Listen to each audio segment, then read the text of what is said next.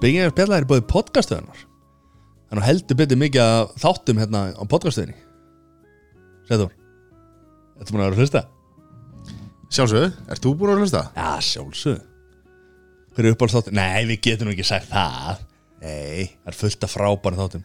Það er mitt að vita og þitt að komast að. Það er smóliðis Við mælum við að þið, þið sem er að hlusta Kikið inn á ykkar helstu hlaðvarpsveitur Dritið inn, podcast, stöðin Einu orði. Þar fáuðu upp allar Allar þá þættir sem eru gefnir út af podcaststöðinni. Uh, Frábæri þættir. Hver er öðrum betri? hver öðrum betri. Herru, við fengum til okkar hérna Pétur Marano Við fórum beint í sko Ég er svo spenntur þegar Pétur Marano kemur. Þú fjast eiginlega ekkert að tala. Ég var bannað að tala. Þú talaði lítið.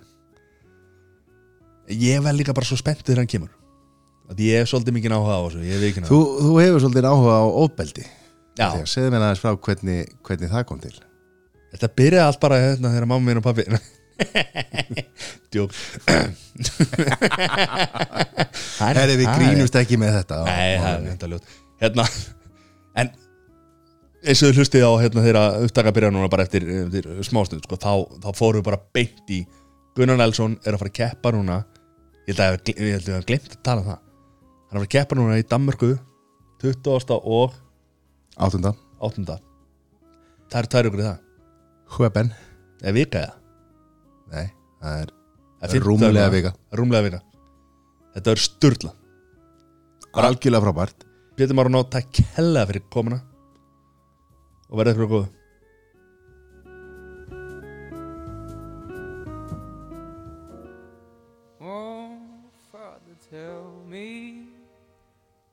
get what we deserve? Oh, we get what we deserve. And where down we go, go, go, go, go, where down. Það er að styttast í litla bardaðan maður Verið hjartalega velkomin Pétur Marun Já, takk fyrir það. Hvernig ertu? Ég er bara fýt sko. Er það ekki? Jó, fyrir utan uh, nýið er að baka mig og ég er mjög pyrraður við því en annars er ég bara góður. Hvað kom fyrir nýjaði? Uh, Júitsvæðing og einhver lendi astanlega á mér og það bara fór eitthvað allt í small sko. Bara gær, þannig að ég er bara pínu pyrraður yfir þessu núna. Þetta er líka svo, stutt ég fyrir út, nenni ekki að vera haldur í útlöndum að labba eitthvað. Þannig að já, það er bara mjög pyrrandi. Ég skil það mjög vel Er þetta hættuleg íþrótt eða? Sko, ég veit það ekki, sko, um leið og lendi þessu bara you, ég er hættur, ég er aldrei að fara að glíma aftur, ég nenni þess ekki. En svo er alltaf að mæla með þessu fyrir alla skilju Þú veist, þetta er óslega gaman, þú veist bara ganninsla en þú veist shit happens, veist, þetta er bara einhver þetta er bara algjört fríka, accident þannig sé. Skítur skeiður Já, Vorum það að þú jafnir á þessu. Já, já. Herri, núna er 19. mm september. Gunni er að keppa 28. -hmm. Hvernig fer út? Þriði daginn eftir bara, já. 24. Já, Já. Við hefum ekki geta Þetta er perfect tímasending. Og þetta er í þriða sinn sem á kemur hann til okkar. Já, já, bara alltaf gaman að koma. Já, það er, hérna, það er met. Það er heimsmynd Það er með Og það þýðir það að Gunni er búin að keppa núna þrísvar á þessu ári. Já það síðustu tólmánum allavega Já, 12 mánuðum. Já. Hvað, já, það er september. Ég er ekkert góður í reikning sko. Herri, hvað er hérna Kannt á dagaðalega Já, smá, bara í síman Hvað er hérna Gunni, þessi bardagi? Já, hann átti að fara á móti Gilbert Burns.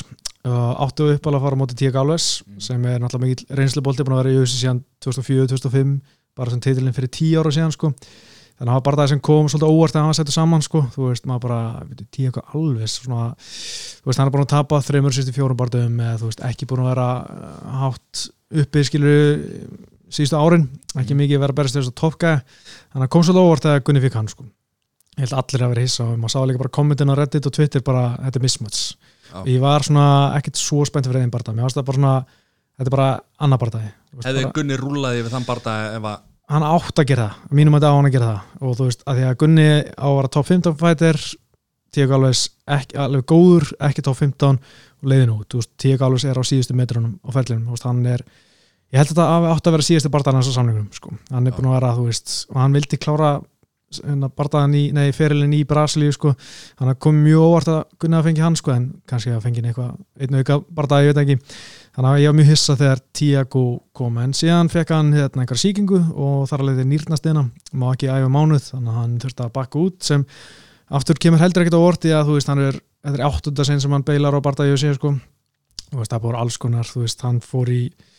þú veist, sinn sem hann bardaði konar, þú veist, hann í hefur hefur, hérna, þú veist, bara meðist mjög oft.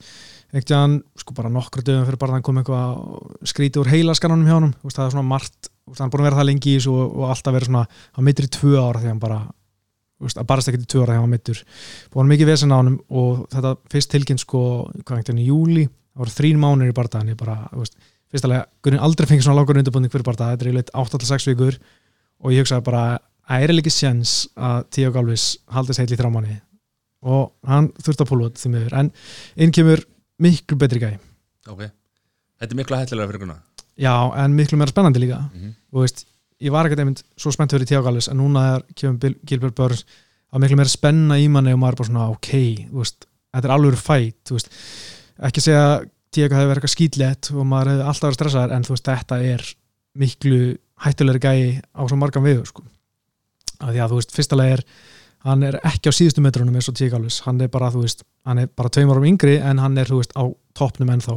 Hann er ekki bara eins lengi í MMA, hann kom sent inn í MMA, kom bara 2012 inn í MMA eða eitthvað svo liðs og á meðan hérna, og er alltaf verið sér fætir, hann er svo miklu meira vel rounded, að því að þú veist með viss allir að hann er bara að fara að standa á með gunna, vilja halda þessu standandi. Gilbert Burns er, ásaki, í fyrsta lagi þrefaldur heimsmestari í miklu meira svona mixed martial artist heldur en Tiago Alves nokkuð tíma sko. Og heldur hann, hvernig er eins og þeir eru farið gólfi Er þeir, hann það verður rosa erfitt að segja sko, því að þú veist sko, ég hef búin að horfa á alla barðan hjá Gilbert núna í, í UFC, hann er aldrei og hann er verið tekið niður en enginn fer með hann með gólfið, veist, þegar hann er undir. Menn taka bara niður og svo bara standar upp. Þeir vilja ekkert leika við hann í gólfinu. Já, en þú veist, þegar hann er mönnum þá er hann alveg góður, en ég myndi samt segja að Gunni var aðeins betra top game í MMA en ef þau myndu bæta þessi pjúri júitsu held ég að Gilbert Burns myndi vinna. Þú veist, hann er bæði með betri fyrirskrá búin að vera aktívari í senunni. Hann er, þú veist, auk þess að keppa í MMA er hann duglar að keppa í júitsu senunni og búin að vinna fullt að góðan gæðan þar. Þannig að ef þau myndu bara mæta þessi júitsu Gilbert myndi vinna en þetta er MMA og þá er þetta bara verður þetta rosalega jæmt í glíminni alveg bara, ég held að sko verður bara agnar smáadri sem munir skilja á milli eða rauninu bara svo sem nær fellinu fyrst, hann er kannski að fara að vinna lótanu því að þú veist, það verður það, það erfitt að standa upp fyrir báða og erfitt að, þú veist, halda hinnu niður skilja, þetta verður bara game of inches. Þetta er bara svoleiðis. Já, Þetta er bara, í gólfunni, sko, já, þú veist. já. Að ég- Standandi Gunni, væntalega sko, það er rosa óleikir, sko. Þú veist, ég meina, Gilbert Burns hann er svona bara típisku svona mútæ brassi, maður sér þess að brassa komið mútæ, svona háavörd, góð spörk hann er bara pínu líkur tíagális að því lít hann er með svona nokkuð svipa game standandi, þú veist, þetta er bara svona múta í staðan fyrir eitthvað svona karatistans eða eitthvað óvænt. En ég myndi segja sko Gunni hafi alveg uh, eitthvað fram yfir þar, Gunni er alveg hraðari hann er með betri, betra skinni fjarlæð en Diego er með góð spörk nei hérna, Gilbert með góð spörk uh, góða svona yfirnættar hægri sem hann hliður í hana aftur og aftur.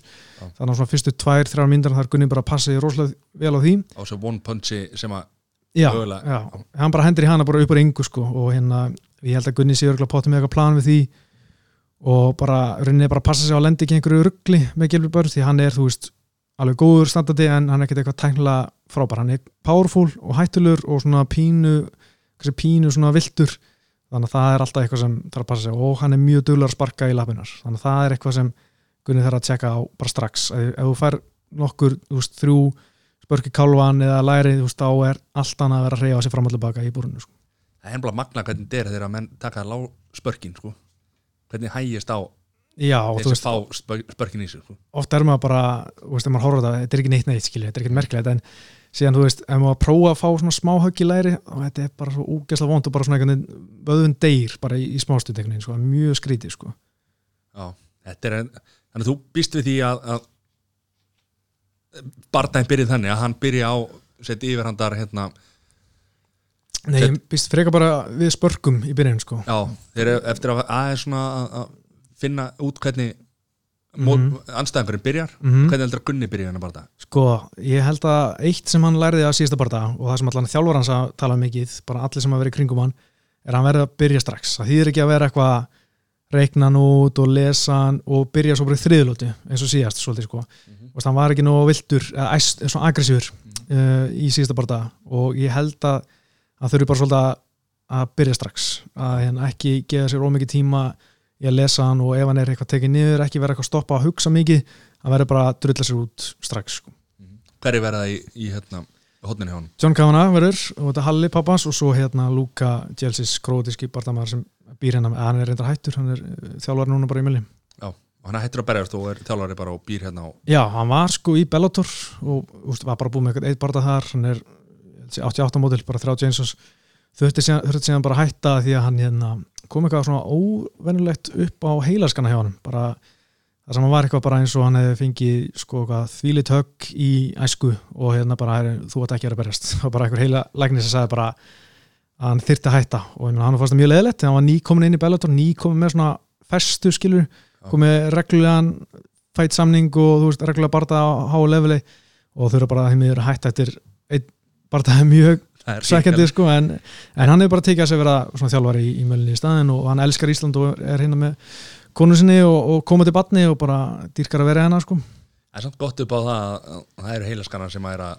Já, stoppa það menn já, alveg gæti, lendi í höggi bara og já, verið döðu sko, er, maður veit náttúrulega ekkert hvernig þetta er sko, þú veist, sérstaklega eins og með döðsvallana í Írlandi 2016 þá hérna, veist, þetta er eitthvað svona bara lítið sjó og menn er ekkert sendir í heilaskan það því það kostar pening, skilur og hérna, og fætirinn er kannski hafi hafi ekki endilega efnaði og, og ekki promóturinn heldur. Þannig að veist, það var gæði sem dó og það ekkit, hefur ekkert að gefa út en hann getur vel verið að hann hefur verið með eitthvað undirleikinni sem sagði bara, ef hann hefði farið heilaskanna bara, nei, þú ert ekki verið að berjast þú veist, það er aldrei að vita nema þú farir í svona skanna og þú veist, þess vegna finnst mér að allir að gera það en, en einhverjum, einhverjum ástæðum þá er ekki allir sem gera það já, peningar Já, það eru pinningar en, en eins og í Írlandi hafa, hafa þeir breytt rosalega miklu síðan þá og verður að vera búin að fara í einhvern heilaskanna til að fá að berjast þar sko. En hvað, tölum um hérna bardaðan aftur og hérna, Mhm. þannig að þú heldur að hérna þeir eftir að fytla eins fytla, segjum það, já finna út hvernig hérna set, fyrsta lota, Mhm. þeir eftir að finna eins út úr og taka lásbörkin og, og Gunni náttúrulega stendur í sínu kareti Já, og, og hérna fer inn og út og, og, og, og höggin sko. Mm Já, það verður mjög forvöldin að sjá sko hvernig þeir ætla að gera þetta svona alveg í, í byrjun. Ég held sko að Gunni sé sko muni koma svona aðeins aggressívar til leiks heldur en hann gerir síðast. En hann má samt ekki bara fara að vaði í hann nei, svo bara eitt högg og þá bara hérna já. það er það sem maður hefur svona mestar ágjara fyrstu tvær, þrjár myndunar að Gilbert Börns er með hana, þetta power og hérna, það getur alltaf meitt og hann getur counter að Gunna en, en ég held að Gunni, þetta getur counter hann svolítið standardi, standardi þú veist, það er Gilbert Börns viður kannski viltur inn og Gunni svara hann með, með einhverjum höggum sko. en ég er rosalega spenntið fyrir að sjá fyrst alveg bara hvor skýtu fyrst inn í felluna Mhm. og hvort að veist, sá með náði sko. Já. en ég held alveg sko að sko Gilbert Burns er örgulega með betri að svona, ég held að hann sé betri að bakinu heldur Gunni. Veist, ekki að ég sé mikið að ég emma en bara svona í ímyndum mér að það hefur engin verið að spila hann leik með honum. Ég held að hann geti sko alveg tekinu í Gunna en ég held samt að Gunni sé með betra svona top game heldur en Gilbert Burns. En þetta verður ógeðslega jæmt þetta fyrir gólfið. En við vitum alveg Gunni með högu já, já, en hann hefur líka verið kildur niður sko. þannig að það er nefnilega máli sko, hérna, já, það er erfitt sko. Á, eitt helvits högg í þessum, þessum sporti sko. það, Já, þetta eru litlar hanskar og bara, þú veist, getur svo skipt ógeðslega miklu máli bara einhverju sentimentar sko, veist, þetta Game of Inches er bara, þú veist, rétt, rétt heiti sem maður ekki? Svo getur maður ekkit jú, klálega, en svo getur maður ekkit ég er að beða um að spá eitthvað fyrir þessu, þessu barda sko, en svo veit maður ekkit hvernig allt í hennu fyrir þetta í aðra áttina mm eða hín áttina, þannig að það er ekki takt að hérna, Nei, ég myndi, þú veist, eitt högg getur breytið einu, þú veist, eitt högg og hérna Gunnið vangar og þó, þá er hann svona á brattar að sækja bara allan bardaðan sko, hann alltaf einhvern veginn skrifa eftir og menn bara svona þreytast rosalega við það að vera vangar ég veit Já. ekki, ég kann ekki útskynninga en bara alltaf menn verða vangar og bara allt í henni er eins og sé konur í fjóruðlótu eða eitthvað þannig að það, einmitt, eitt högg breytir rosa miklu en undirbúningurinn hjá Gunna fyrir svona barda, hvernig hérna ertu með eitthvað insight í það, hvernig hérna þú nú að æfa hérna með honum og ekki með Kring- hann, kringum hann, hann. hann já. Eh, já, hann hefur verið mjög góður sko. ég menna uh, það hefur alveg oft verið kannski, sem undirbúningurinn gengur ekki alveg eins og á að vera eða þú veist var einhver á meðisli eða hvað hva er sem spilar inn í sko en þetta gengið bara mjög vel eftir því sem ég best veit og hérna hann er búin að vera mjög duglur að æfa og taka mjög svona tæknilega ræðingar og líka keira hart á, á þrekið og þólið og hann tók sko, hann alltaf fekk barðan bara í júli eitthvað svo langt síðan og svo byrjaði hann að kampi hér svona nokk róla, svo fór hann út til Írland og hjá John Kavanagh. Var að æfa þar í, í fjóra-fimm vikur mjög vel með mjög góðan gæðum sem er í UFC og Bellator.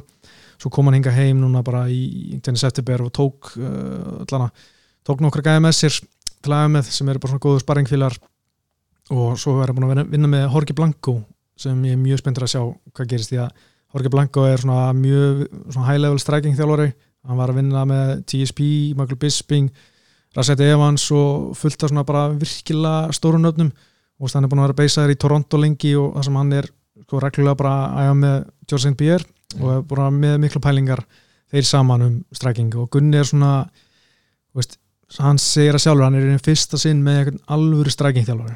Ok. Þannig að ég er mjög spenntur að sjá hvað það muni skil honum þá er að tala um standandi já, já, standandi bara kickbox box Mhm. þjálfara sko, þetta er gæði sem var þú veist, í ólupíluðinni í boxi fyrir spán og eitthvað svona, þú veist, hann er alveg með ferilskrá sko, og hérna ég er mjög spenntur að sjá hvað þessi vinna hjá þeim getur gert fyrir standupið Gunna.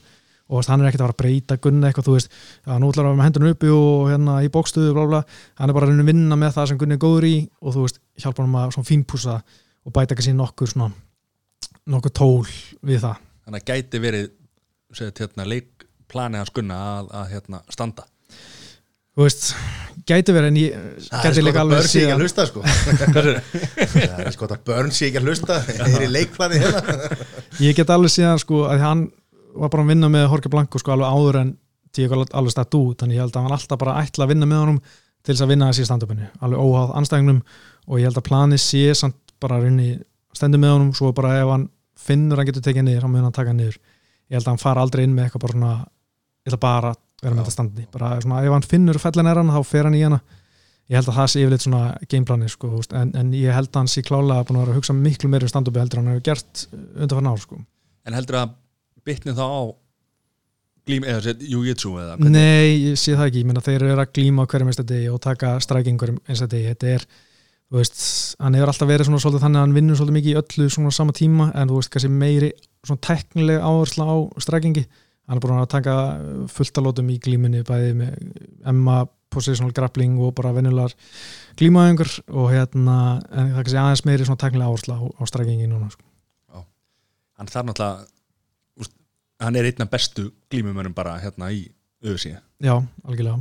Þannig að þá er náttúrulega hann þarf að bæta sig í, í hérna stand-upinu þó hann sé mjög góður þar sko en mm það er svona alltaf verið sem maður langar að sjá þú veist, eins og síðast og var rosa mikið bara að henda í eitt högg einu, þú veist, það var ekki eh, nógu mikið af, af svo fléttum, þú veist eins og fléttuna sem var að meiða Albert Tumanov eða sem droppaði Brando Thats, þú veist. Hann er svo hraður að þessi kombo, þegar hann neklir þessi kombo, þú veist, og gerst svo hratt og menn svona, uff, bræða svolítið.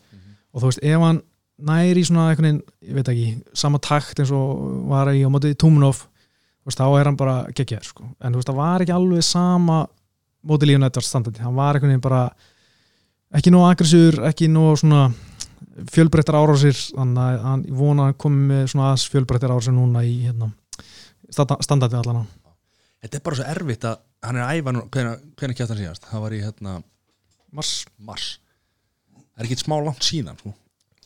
Þetta er bara eins og ég myndi bara mæti vinnuna bara hérna þrísvar ári sko. Og þá verð ég bara að standa mig sko. ef ég er veikur þá bara fuck já, off, sko. eh, kannski meira eins og að vera að fara í próf þú veist, þú ert búin að vera, þú veist ég var aldrei að fara í próf sko.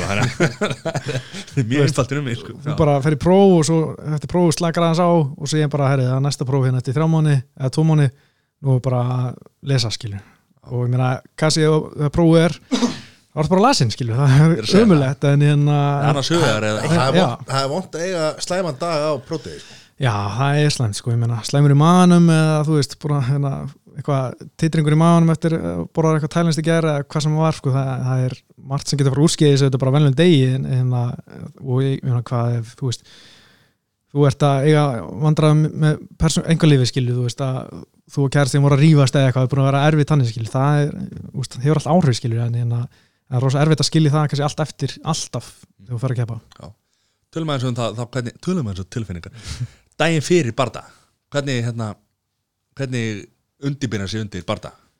Veist, ég held það er henni bara að ná vikt. Og það er alltaf, Hann vak- vaknar á morgun, morgunin mm og eins og allir, hann vaknar á morgun- morgunin Já, veist, stundum í er bara þegar maður er búin að sofa. Hann er þetta engin morgun hann sko, en, en þegar er viktun þá vaknar að snemma sko, greiði ja, viktunin er milli 9 og 11 og hann er yfirleitt bara svona með setni að vikta sinni, ég held að hann er ekki vakna snemma sko. Mhm. En hann er, hann sé ekki að skera mikið þá er þetta alltaf vika og þetta er alltaf einhver afsaki, eitthvað svona 2-3 kíló sem það þarf að losa í vikunni. Halli ekki sáttu við þessa, þessa hennar niðurskurð. Nei, na, na, þetta er ekki svona ekstrím niðurskur, niðurskur þetta er mjög minniháttar að taka sér 2-3 kíló, sko. það er bara djók, sko, ég menn hann er svipað þungur á mánundi fyrir bara eins og gæði sem er léttvitt, það er bara svolítið þannig, en ég menna hann þarf samt að skera þetta á sér og þetta er ekkert auðvelt hann þarf að vera eins og baði og þetta er ekkert skemmtilegt og vera ekki að borða mikið og samt að æfa og hérna og vera, veist, drekka endast af vatni svo fer ekkert vatni í, veist, tvo, tvo daga eða eitthvað svo leis og hérna en ég menna hann er vikt, svo bara beint að borða eitthvað strax, hann fær, sko núna búin að vera að minn- vinna með hérna hvað fyrir síðustu tvo barða gæði sem heitir George Lockhart Já. og hann er, var sá sem var að hjálpa Connor að komast í fjárvitt þegar hann var svona uh, undir lokin gegn Hósi Aldó hann er með svona eitthvað svaka plan og hann og hérna Mike svona hafa verið svona helstu svona fremstir í brotti fylkingar. Kemur að svona köttinu hjá fæturum og þeir bara búið til mat fyrir þig bara, þú ert bara þetta núna þá kom bara, bara með matin upp á hótelherbyggi fyrir þig og borða það. þannig að þegar Gunni er búin að ná vikt þá fær hann einhverja drikki frá þessum George Lockhart þegar hann er með, þú veist, biljón aðstafamenn sem er með hann sko Þetta þarf samt að vera eitthvað létt í magan en það má ekki vera eitthvað Nei, kubbur sko. nei, þú getur ekki farið beint í steik sko, ég ert ekki að borða í daga, það fer allt í rugl sko. Þetta er svona eins og einhver djúspakki frá Gló Já, og fær eitthvað steinefni að drikk og eitthvað svolítið svo, sumt er bara mjög gott og sumt er bara alls ekkert gott, þannig að hann þarf að pína í sig eitthvað og náttúrulega bara fullt af vöka bara fá vatnið aftur. Og síðan, þú veist, eitthvað léttmáldi bara egg og, eða ég veit ekki, sko, egg og kjúklingur eða eitthvað, spínat eða eitthvað. Svo kannski, þú veist, fyrir að leggja sig hans er í kóra meira og svo rauninni vaknar hann aftur og hann kannski aðra máltíð og síðan er rauninni bara komið að hérna, sjónvarsviktunin sem er feikviktunin sem er eiginlega svona millir þrjú og fjör á staðatíma mæta þar og horfa anstæðingin hérna, face to Face skilur eitthvað svona face off svo bara er henni slaka á stundum kannski einhver steik um kvöldi en, en ég vil aldrei neitt eitthvað svona húlumæ ekkert eitthvað fara eitthvað fancy steakhús og eitthvað stór hópu bara eitthvað þú veist, létt stemning skilur og og Bara tekið einhverja bíómyndir oft og eitthvað já, mjög oft farið bíó. Á John Wick þetta búið að vera sko, það er mikið af marvelmyndum sem að vera í þessum ferðum sko. Já. sérstaklega svona upp á hóteli sko maður að reyna að gera eitthvað svona videoblog eitthvað fyrir mjölni og þetta er rosa erfitt stundum því að þeir eru bara að horfa upp á, á myndir skilur í fleiri og fleiri klukkutíma sko, þrjár myndir á dag stundum sko, það er rosa erfitt að gera eitthvað skemmtilegt efni úr því sko. Já. en já, bara smá pyrringur í mér en hérna þá er þetta bara svona marga, það er bara að horfa myndir og, og slaka og, og fyrir kvöldi, fyrir barðana annarkort sem er einhver mynd skilur eða að fara í bíó og mjög mikið af þessum Marvel myndum Avengers myndinar, Thor og þú veist, Iron Man og allt þetta sko vorum að spæti mann fyrir Ponsunibja barðan þó að það ekki gengið vel og varum mjög góð sko og Já. þú veist, ég ég man ekki hvað var hérna 2014, alltaf einhver svona ofriði myndir sem er bara gaman sko Svo fer hann bara svo já, og svo bara að vakna hátæðinu daginn eftir eitthvað fór svo að borða, sefur svona. hann mikið fyrir barða? Æ, ég, 12 tíma. ég gleða sko. Ég veist, hann er Hann kannski svo sulti slagur Já, já, það er ekki erfitt fyrir hann að sopna sko. En ekki fyrir barða, hann er ekkit eitthvað andvaka eða eitthvað svo leis en veist, hann er ekki að fara að sofa klukkan tíu og vakna tíu, heldur bara, veist, fyrir hann að sofa þegar hann þreytur og vakna bara þegar hann vaknar og hann þarf ekkit að gera á fæti. Þá er hann bara, einn sem hann þarf að gera er að borða og slaka aðra ná, fyrir kannski eitthvað smá, nutt það er yfirleitt einn einn ein frábær kona sem er alltaf með okkur, hún Birta hún sér alltaf um að nutta hann aðeins bara á fæti og hérna svo bara fara nýri höll svona yfirleitt um fjöguleiti eða eitthvað leis Það er ekki tekið létt uppbytun eða æfing eða Nei, hann er allan ekki verið að gera það sko. en það er bara náttúrulega, þú ert komin í höllina þá fara að merka sig að hrista sig svona aðeins til og hérna, koma sér í ganga en, en, en þú veist, það er bara mjög basic uppbytun sko.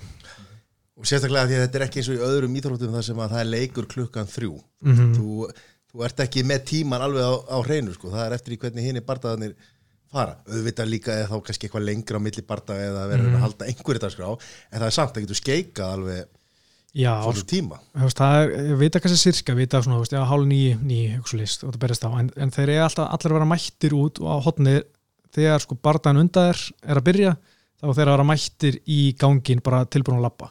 Á því er ekki að fara að pissa en eitt skil, þú ert bara að vera komin og stundum með þetta er og er slangu bardaði og býða óksla lengi og ég, manna, ég man ekki fyrir hvað bardaði en þá þurfti Gunni og þeir bara þeir voru að býða örugglega í svona hálftíma bara á ganginu sko, eitthvað, þeir fannst að allan að vera óksla langt og hérna, og pínu pyrrandi en þú veist, þú ert búin að hitta búin að svitna svo ertu bara að býða hann til næsti bardaði undir að búin þá, þú veist, máttu að labba upp. Þetta er náttúrulega svo mikið batteri skilur verða vita allir er á staðnum og því er ekkert eitthvað svona við erum að fá hérna John Jones á móti Gustafsson en við ætlum aðeins að býða Gustafsson er á klústunni, hann hérna kemur þetta smástund þú veist, að því er ekki þannig, þetta er svo mikil maskinar þeir vilja bara allir sé á sínu stað á reyndu tíma sko. skiptir enga máli hvað það er það já, ég, þú bara er að mættir á þín tíma sko. Já. ég held að þetta sé eina skipt sem Conor getur ekki verið sitt Það lætur alltaf býja eftir sér nema þannig sko. Þá er eins gott að því við fengur úr mikinn bardaðamann eh, til okkur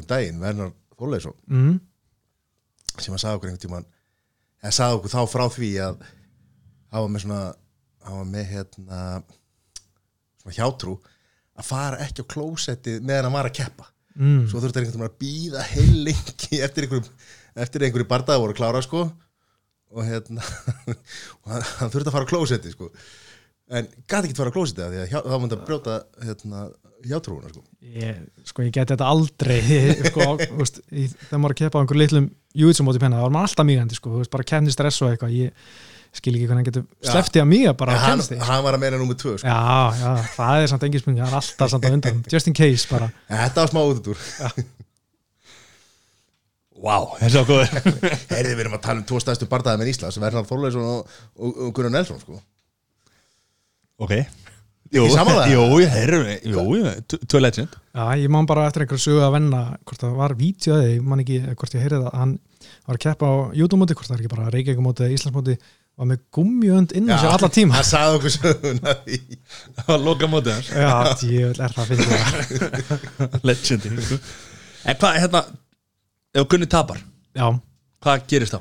þá er hann bara, þú veist, náttúrulega alls ekkert í góðum málum, þá er hann búin að tapa þreymur á síðustu fjórum barndum og ég menna að þetta byrja náttúrulega svo vel vinnu fyrstu fjóra og svo er núna í hérna, síðustu áttabarndum, fjóru sigra, fjóru töp, það er ekkert eitthvað stórkustlegur árangur en veist, hann er ennþá alveg örugum í starfi held ég. En uh, svo þú veist er það bara algjör líkil líkil barða sem kemur til þetta. Auk þess held ég að Gunni ekkert mikið eftir samningnum. Það spilar alltaf inn í sko. Að þú veist, þú veist hann gæti fræðilega sér sem hann tapi og ég veit ekki hrindi dómarunum með að gera eitthvað svona alveg farlegt þá auðvitað er hann bara hend út. Ef hann gerir eitthvað svona farlegt af sér. En ég menna ég held að þó hann tapi þá verður hann alltaf örugum með starfið en síðan bara eftir það þá er hann bara Er hann ennþá eitthvað nafn í UFC þó að hérna? Já, algjörlega, sérstaklega í Európu að ég menna hann er, nafni í Európu er ekki það mörg nöfn eftir ásaki, í hérna Európu, Gustafsson hættur eða segjastur hættur Jimmy Manu hættur, Michael Bisping hættur. Og það er einhver breytar að koma upp og allt það en hérna en það er ekkit eitthvað brjálaslega mörg nöfn og sérstaklega ekki frá Skandinavi, við erum með Jack Hermansson frá Svítjónori en svo eru, þú veist, Skandinavin er, ekki rosalega margi sem veist, ekki trist á til þess að einmitt vera á svona karti í köpun og minna, þó Gunni sé kannski búin að tapa síðast var hann ennþá nafn og ég meina fullt af fólki sem kaupir miða til að horfa á Gunna skil, hann bætir alveg smá valjú á karti fyrir Örbu fans sko. Hvað við erum með hérna við vikinni fáfræði minna, þá er ég ekki að fróður um þetta Írin hérna eh, sem að tók Conor McGregor Nei Hérna um síðustu helgi, hann kom inn í bardaðan 50 um fyrir bardaðan uh, tala um Kanadamannin, Tristan Connolly ja. Já, er hann Kanada hann Connolly er samt mjög Akkur lítur írskt- hann út eins og Íri? Ok, Þetta þú ert blindfullur á Spáni að horfa á þetta. Eins og ég sagði ég ætla að óbyrnbæra fáfræði mína í þessu. Já, hann, ég, ég held að það var Íri fyrir ekki. Já, hann, en Connolly, ég menna það er eins írst og verður held ég sko, hann, Já, lítur líka út eins og Íri, sko. já, já. Þú fær pass þarna Þannig að, ok, hann, hann tapar Ég er ekki að vonast til þess að hann tapar Ég er bara að hugsa ef hann Mhm. tapar skilur, þá er hann enda með að því að hann er er auðvitað bara að hugsa um markaðina já, bara selja miða sko, þú veist, þeir munu ekkert að henda hann út strax en þú veist, þegar kemur að næsta samningi þá er hann ekkert í geggjari stöðu Nei. og þú veist, búin að vera að tapa svona mörgu börnum og hérna og þú veist, ekki náða að vinna þessa stærstu barda og ég minna, hann er ekkert eitthvað að fara að fá betri samning og þá er bara að sjá hvað gerist en ég veit alveg að þú veist að Bellator, ég meina, þeir eru alltaf byggja upp sitt dæmi í Európu og það er fyrir það sem ekki veit að næst stærstu bardasamtökin og John Kavanagh sem er náttúrulega yfirþjálfur er með mjög sterk tengsl í Bellator. Hann er, veist, mikið að vinna með þeim og margir fætra frá honum sem komnir í Bellator. Þannig að ég, veist, ef samningurum bara klárast og ég er ekki búin að loka samningurum áður en bara eða samningur klárast þá er ég alveg vissum að Bellator minni bjóða en bara ég veit að núna Gunni er ekkert að hugsa um Bellator, hann spáir ekkert í þessu og hann er ekki eins og hugsa út í Bellator. Hann er bara að hugsa um komast ofar í UFC og komast raun aftur að sem hann var og lengra. Ok. Vinnur, mm -hmm. hvernig vinnur hann sig upp sko, veist, hann vinnur núna. Hann er ekki að fara upp á hann er ekki top 10 Nei, nei, hann, veist, hann er ekki svo listan núna en ég Nei. myndi halda að hann myndi bara slefa í top 15 Þú veist, það eru orðin svo ógæslega margir gæjar sem eru frábæri svona frá 10 til 15 sem er allir í svipum stöðum reyna að komast upp á top 10 hann svo eru svona gamlir hundar eins og Robby Lawler að detta út og hérna Damian Maia var að róast í honum. Hann En- er nú bardaði núna fljótlega. Já, á móti Já. Ben Askren. Já. en að förum við það eftir. Þannig að þetta verður svona veist, rétt slefa í top 15 held ég með sigri og svo bara horfa fram á veginn eftir það. En veist, það er samt ef hann vin- ef hann vinnur þennan bardaða, Mhm. færa þá eitthvað ofar á listanum eða? Hvernig, það ætti að vera þannig en ég menna það er bara rosa erfitt að segja. Ég menna Gunni hefur verið í veist, var í áttundasæti og fekk Ponsa Nibio sem var í veist, það er að vera alltaf einhver að berjast fyrir neðas Já, það var alltaf þessi þetta að Gunni var hættulur anstæðingur mm -hmm. menn líka við vorum alltaf að segja við hann hann á að fá betri bardaga Mhm. en menn vildi ekki taka, taka bardaga mótorum af því að þú veist, hann var þá kannski ekki, ekki nógu hátt rankaður en ætt, eða, sérst, miklu betri heldur en hann var rankaður sko. Já, þetta var eins og með hérna þegar hann mætti Alan Djúman þá var hann búin að vera lengi að leita barða og ekkert að gerast og svo allt í henni bara svona fimm vökum fyrir kom Alan Djúman, þá var hann 50 gæðin sem auðvitað fór til með barðan og hinn sem fjóru svo nei, einhverjum ástæðum getur verið mittir svo sem en þú veist hann var á sín tíma mjög erfitt að fá barða fyrir gunna en ég veit ekki hvort það er breyst eitthvað eftir að hann hefur tapað núna, þú veist. Síðast að líka netvarst, ég veit það ekki. En er þetta bara við Íslendingarnir með þessar fréttir að það vill lengi fara í Gunnar Nelson af því að hann er svo geggjaður og frábær og allt þetta skilur, ég bara, þú veist, ég er að hugsa þetta Já, sko, ég skilji, ekki alveg þannig en ég menna auðvitað, þú veist vitum við rosalega mikið um þegar hann fær ekki í barda en maður heyri ekki það sama af, þú veist, Líðan Eddars eða jú, reynda kannski hann er farin að vera háara núna en þú veist, þegar þegar, þegar menn eru svona kvartaði barda þá hérna tekur maður alveg eftir í en ég menna Gunni er aldrei verið kvartaði yfir ofinberlega, þetta meira bara svona maður veita og hérna þetta er alltaf vesen, þú veist þegar komur svo hátt þá er þetta erfiðar að bóka bara eða top 5 gæðar menn vil ekki fórna stöðunni sinni veist, og verður að vera svona, veist, menn er alltaf bara að hugsa um sig og hugsa hérna, herri, ég geti fara á móti þessum gæja sem er í, ég veit ekki, 13. sætalistanum sem gæti tekið mig í gólfi og söpa mig, eða ég geti fara á móti gæja sem er í 10. sæti sem er betra match fyrir mig, veist, menn er alltaf bara alltaf að hugsa um sjálf sig og mér gunni bara með þannig skilsett í gólfunni að þú veist að menn kannski er ekki alltaf spenntið fyrir því ef þeim finnst þið vera veikir í, í, í gólfunum og það er kannski hans arkilesra hell að vera ógeðslega sterkur í gólunum Já, þú veist, upp að fá barða en, en, en ég held ekki neina þú veist, að sé allir með eitthvað sem menn er hrættu við, þú veist. Ég meina Tærum Woodley, hann kannski menn voru hrættu við power í honum og hvað hann er góður wrestler, hann að menn kannski þóra ekki alveg, berist hann fyrst. Og ég meina, þú veist, svo eru menn bara þólumöður og eh, ef menn vilja og fá rétti barðan og svo bara heldur að að vinna og færðu á endanum góða barða hann er hvað fjóri barðar, tilli barðar eftir fimm barðar það er svo langt í það sko, veist, hann er bara núna á ekkit sérstökur stað, ég meina búin að þú veist, tapa tveimur síðustu þremur og maður getur eins og maður vil snúi sér fram og tilbaka en ég meina það er bara þú veist, ég nenni ekki að hugsa svo langt að Nei, ég maður ok, svo oft gert það sko, sérstaklega þú veist, maður er að hugsa eftir hérna, fyrir Ponsin Ibí bara já, tekur þennan og svo var Stephen Thompson bara í, oktober skilur og alltaf að hugsa eitthvað svona, svona langt fram í tíman en þú veist, mér langar alveg bara einbyttum mér að einu barða því að veist, þetta er mjög erfið barðaði og ég er alveg þú veist, nokkuð 50-50 þannig sem myndi ég segja. Og hérna, það er hann áttur að gera helling til að ára hann vinnur hann bara og fyrir að hugsa um eitthvað stærra við tökum þetta alveg á okkur hérna í spekingum að við erum að íta þér upp við veik sko. Þú, veist, þú vildir ekki vera að svara þessu spurningum en hérna, við, við erum bara illa einrættir og erum bara hérna, tökum á stóru punktunum. Hvað, hérna hvað á mörg ár eftir? Það er sko alltaf svolítið erfitt, að- erfitt að segja, hann er 31 ás núna og 31 ás í sömar og það er sko rosa mísett hvernig menn fara að droppa, ég menna Demi Mæi var 38 ára en þá geggingur uh, við erum að sjá Tíko Alves, hann var orðin mjög slappur 31 ás, eða ekki mjög slappur orðin bara talsvöldu verri 31 ás að því hann var bara búin að ganga í gegn mikið meðslum og taka sinn skada George St. Pierre, þú veist, hann hættir 32 ára gamall, en svo erum við, þú veist já, menn eins og Maja sem eru, þú veist, færtugir en þá í, í top 15, þú veist, það er mjög einstaklingsbundi hversu menn er lengi í sig og fer rosalega mikið upp á því hversu mikið skada menn hafa tekið og hversu svona mikið menn hafa barist maður sér það líka að svona meðaltalið svona 11 árum eftir á tegurinn fyrsta aðrunbarða þá fer að dala. Það var eitthvað svona smá tölfræði rannsókn sem ég fann einhvern eða svona stúdía. En ég menna Gunni tók sem fyrsta próbarða 2007 en hann barist svona frekar stöðbult árum fór í hann tók kannski eitt, eitt og hálft ári pásu það sem var einbætt sér í júitsunu og þannig að ég svona held að hann eigi alveg meira eftir en þú veist einmitt, það fer svo eftir einstaklingum Stephen Thompson, 35 ára gammal, hann var ennþá mjög flottur eins og núna allt í innu er hann farin að, veist, búin að tapa núna þremur sístu fjórum og ekki alveg gengið nóg vel. En hann var ennþá mjög flottur 35 ára gammal, það var svona aðeins aðeins í og hérna hvað sem er, orðið orðið aðeins verið núna. Og þeir eru svipaðir sko standandi. En Thompson hefur ekki það sem Gunni hefur. Gunni getur breyst bara í Demi Maja og tekið Mm. bara alltaf fellu og, og reyndi einhvern veginn að hérna, Já, það er náttúrulega vopn sem Thompson er ekki með og hann er skítrættu við gólfið sko náttúrulega. En, en, en Stephen Thompson auðvitað þó hann hafi verið grjótarur á móti hérna, útlegi Já, já, ég var í þéttu gilotinni þar, vangaðar og þú veist, mér varst það ótrúlegt mm, svona dæmið um andlega styrk þar því að þú veist, þú ert vangaður og þreyttur að vera, veist, hann hefði alveg getað tappa út það hefði verið mjög skiljanlegt. Mhm. en hann var grótarar og, og liðið af Stíðan Tófsson, fáralega vel gert.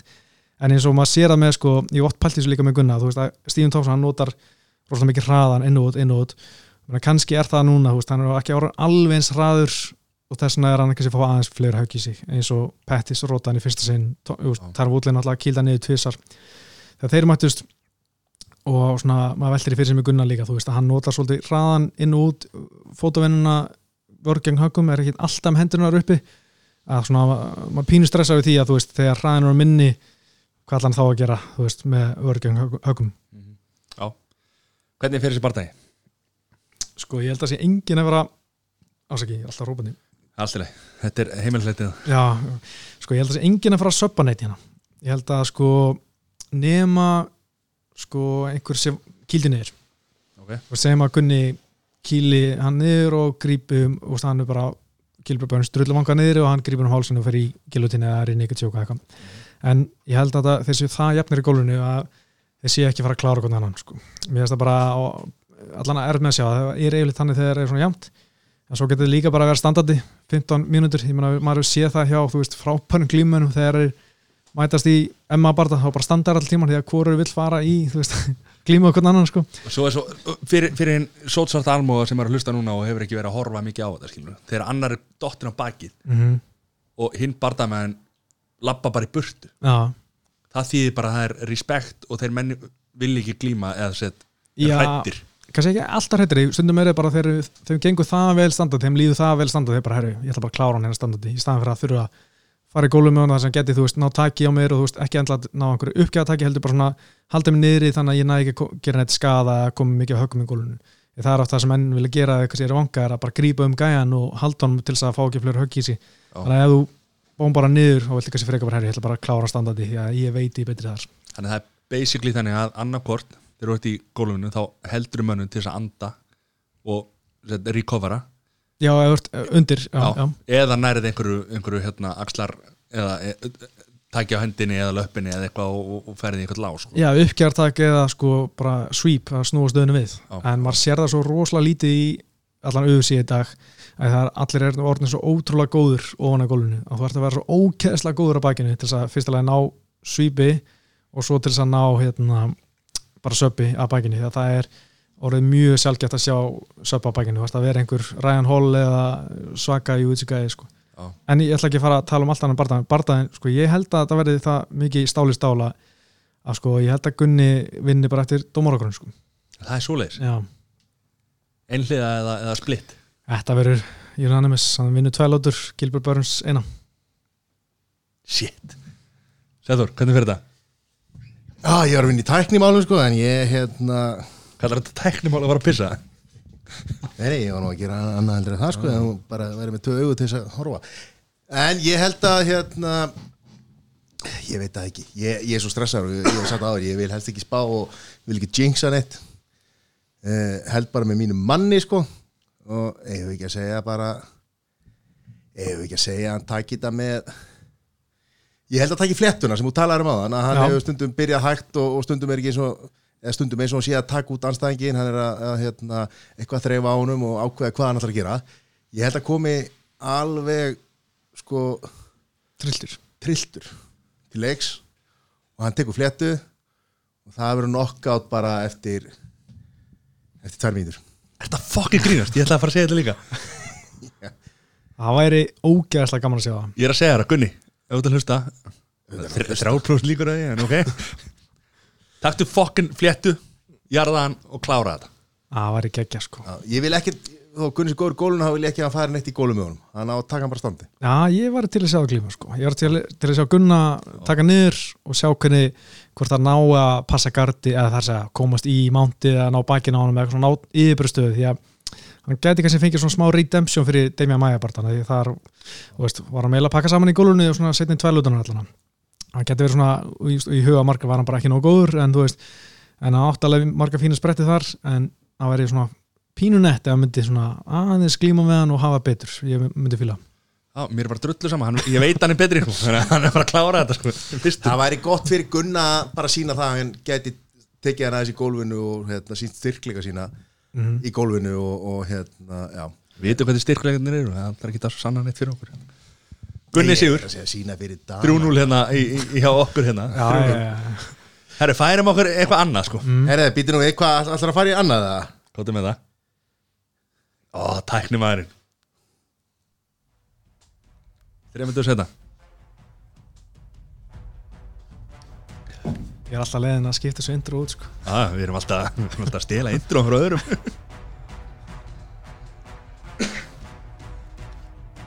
Þetta byrjaði sín Þarna. Adesanya Silva. Þá erum við formlega komnir í tapparpið Tapparpið. og, og gestaða stjórnendur Sæða Fannberg og Mattias Óskarsson Við erum búin að fá til okkar góðan gest. Pétur Marino, velkomin Takk fyrir að koma. Nei, takk fyrir að bjóða mér Takk fyrir að koma já. Adesanya Silva. Já. Þannig við að tala um bara skiptingu, eða ekki? Já, sko, þetta var pínu fyndin bara Þetta var svona aðeins og vinnulegt fannst mér. Það var eitthvað þetta- svona sparrar og eitthvað svona Ég er ekki að tala um bardaðan sjálfur Ég er bara að tala um Já, persónuna, já, já. bara bardaða mennina. Já, já, Adesanya, yngri kynnslóðin, Silva, eldri kynnslóðin já, þeir eru alveg margt sammeilegt sko. En Þetta er bara svona þú veist, Adesanya er svona pínu skemmtikarættur og Andrós Silva var það líka. En mér svona Adesanya er skemmtilegri karættur heldur en, uh, heldur en Andrós Silva var Já. en uh, ég er bara mjög spennt að sjá hvað Adesanya gerir en ég held að hann vinni ekki minn mann Robert Whittaker Þinn maður Robert Whittaker man. Það er engin búin að Ég glema því elska Robert Whittaker sko. Hann er búin að Hann er búin að vera óöpinn Já, maður. Pældi ég að vera berjast á heimaðli gegn Kjellur Gaston verðartillinu og þú færði eitthvað hérna, hvað fekk hann eftir bara eitthvað ekki. sama dag, Já. beint í aðgerð það er svo Hann er ekki búin að keppa núna í hvað er Já. síðan í hérna júni 2018 Þá átt hann erfið að bardaða á móti Jólur Mero Já. það var hrikalett Það var erfið bardaði, hann vann hans Já, það var, en hann er búin að fara 25 mínútur nei, hann er búin að vera 50 mínútur í búrunum með Jólur Mero sko. það er helviti land sko. Ef ég settur í mig og, Já. og það er met sko. Ég myndi, Júsem Bolt ætti ekki breykið mig sko. Það ég myndi hlaupa rætt út sko. Er bara svoleið sko. sko ég veit ekki hvað ég myndi gera ég myndi örgulega sko, þykja svona skjóta hann púla gard og svo bara láta lemmið þá vil ég bara þú veist, dómarinn hann er please að stoppa þetta bara en það er búið svona max 60 sekundur sko. Þú ert hugrekar en ég sko. Ég bara ég Ég myndi ekki bara vilja slá mig standardi sko. ég var svo hrættu við það sko. Ég frekar, teki- gólunum sko. Ég teki hérna Khabib þegar hann hérna, hoppaði út úr búrunu já, já. Það er, sko, spurning hvort það væri bara strax stæmdur að leika eða hvort þú myndi fá bara viðurinn eitthvað Þyrfti ég að fara aftur inn í búrið mögulega, ég veit ekki nei, þú getur alltaf tappa út strax þú getur alltaf bara að leiða bara dæmbira og getur sett hundurinn gólu og tappa út og bara í búin Það er samt sem vandræðilegt. Er það Já, sko. já, ég, sko, ég líka sé þessar, þessar hurðar á þessum búrum sko. Já, Matti, þú færi bara yfir sko, þú kemist ekki þar ekki sko, inn og út úr búrunu Ég er að segja það, og ég myndi alltaf hoppa yfir sko. Þeir eru ítt yfir, skilur Já, ok. Það er ekki sjálfur. Herru, Don Jones. Já, hann er alltaf að gera eitthvað sko. hann er ekki búin að vera flottur síðustu tveim barðum Tiago Santos var drullu tæft sá síður spurning bara hvort hann hafi ekki bara tapa og ég menna að málega fara raukur í. Svo þar áður hérna var hann Antoni Smith það var heldur ekki samfætti ég bara veit ekki hvort hann sé ennþá besti barðamari heimi sko. Ég set ennþá, ég set Khabib nummer eitt pound for pound sko. Er það? Já, úst, hann er miklu meira samfætti eldur en John Jones. Úst, það er eitthvað veist, ég veit ekki hvort það sé bara ekki á eins mörgum styrum eins og hann var eða hvað var, hann er veginn eða hvort það bara sé ekki ná spennandi hann svona, er að nenni sig ekki að þú veist, þetta er svona það veist, þannig að það séu stranglegur og ávar það miklu betri að hann er bara svona æ, bara svona kósta, sko, veist, ekki svona taka svona allt róla, Þú ætlar að hendi því að bara hann hafi verið að styrum með það. Hann var alltaf bara á einhverju sko, einhverju jakradræmi sko, sem var Já, ok. sé alveg, já, já, já, einmitt. Eru styrarnir að nei, þessi, Júsata mm eru þeir eðilegja sportið? Það? Nei, alls ekki. Ég, ég ég skil alveg að fólk vilja bara sjá alla djúskallana bara halda árum djús og vera bara geða góður og- meðast aldrei. En ég menna, fyrir eitthvað sem vil, vil sjá íþróttina lögleita hér á Íslandi þá vil ég ekkert sjá styrra nálægt þessar íþrótt sko. Nei, Ég er bara hjartalega samanlega sko, ég er bara að spyrja. Um að gera, bara, ræðum bara styrra alltaf gott að ræða styrra Þetta er viðbjöður já, þetta er náttúrulega, þú veist, Þetta fólk sem þarf á styrum að halda þá erum við ekki að tala um fólk, þú veist, það er fullt af fólki sem vantar testastóri já, já, já, testas testosterón þá er það í læknisráði og allt þetta en er væntalega ekki íþróttafólk sem er að Nei. keppa í íþróttum. það er náttúrulega þú veist, þá eru komið bara út í eitthvað sem er bannað og ég menna það er hérna ólefni og þú veist, og það er bara mann ennir því ekki, sko veist, þetta er náttúrulega svo, þú veist umræða sem kemur oft upp bara og ekki bara leiða þetta allt því það er aldrei þetta eldast við sko, en ég menna þá getum við bara, hvað er alltaf að draga línuna sko, hvað er leifilegt að bara leifilegt að gera allt, taka allt sem þú vilt, veist, bara veist, ég veit ekki eins og hvað er meira en tensastyrar en þú veist, þannig að þetta sé bara, bara innilega óheilbreytt fyrir þá er að tala um kókain Já, og Jorge Masvidal. Það er mjög líklegt að sérðu hvernig ég náða að tengja þetta saman sko. ég er ekki að segja að hann sé á kókain en er, þetta er gæði sem er sturlaður sko. Já, þetta er típa þetta er menn hann er náttúrulega búin að vera svo lengi í þessu hann var náttúrulega í hérna, backyard bróli með Kimbo Slice og þú veist, svo bara vildi hann frekar fara í MMA því að það er minni líkur á að vinur gæðin sem voru að fara á móti kom inn og stingi því, sko. Já. það var svona frekar erfitt við göduslasmáli sko. það getur alltaf hætt á því sko. að, að þú veist bara stungin í baki þó að setja að vinna sko. Já, betra já. að vera í búri Einmitt. með dómara Já, hann getur allan stoppað hinga en hann tekur upp nýf sko. Mhm. þannig að það er svona betra fyrir Masvidal hann tók Darren til hérna í þegar Gunni tapaði síðast. Já, pakka hann saman. Pakka hann saman. Já, það var bara geggjarótök og meina þar áður var hann ekkert bara geggja hluti. Hann var búinn að, tapa tveimur röð fram á því, mótið Stephen Thompson og hérna mann ekki alveg hver að var á undan en þú veist, hann er bara tveir tveir í 74 barndum en hann er samt þú veist, hann einu, barnda frá segja þetta að breytast sko. það er Þó- það er það sem maður hugsa um eins og með Gunnar skilur. Þetta eru bara einhver tveir, þrjir barða kannski. Mm Þú veist, ef að það er hæpi kringu því og, og og ef það gerir eitthvað klikka Já. bara tekur fljúandi nýja þá bara kemur hype trainin árum tölum meira um Já. Arsenal þá Darren til, hann tapaði hana já, hvað er hérna, hann á barða núna New York bara gegn hérna Kjellin Gastelum í millveit hann er að fara já. loksins upp um flokk og hann er bara að tala svo mikið um að fara upp um flokk í svona tvö ár eða síðan eftir þetta eh, Stephen Thompson, Viktorna Röklana í já, leifbúlu fyrir svona einu hálf ára síðan ég nenni ekki einu svona pæli þegar hann talar um að fara upp en núna er hann að fara upp Ok. okay.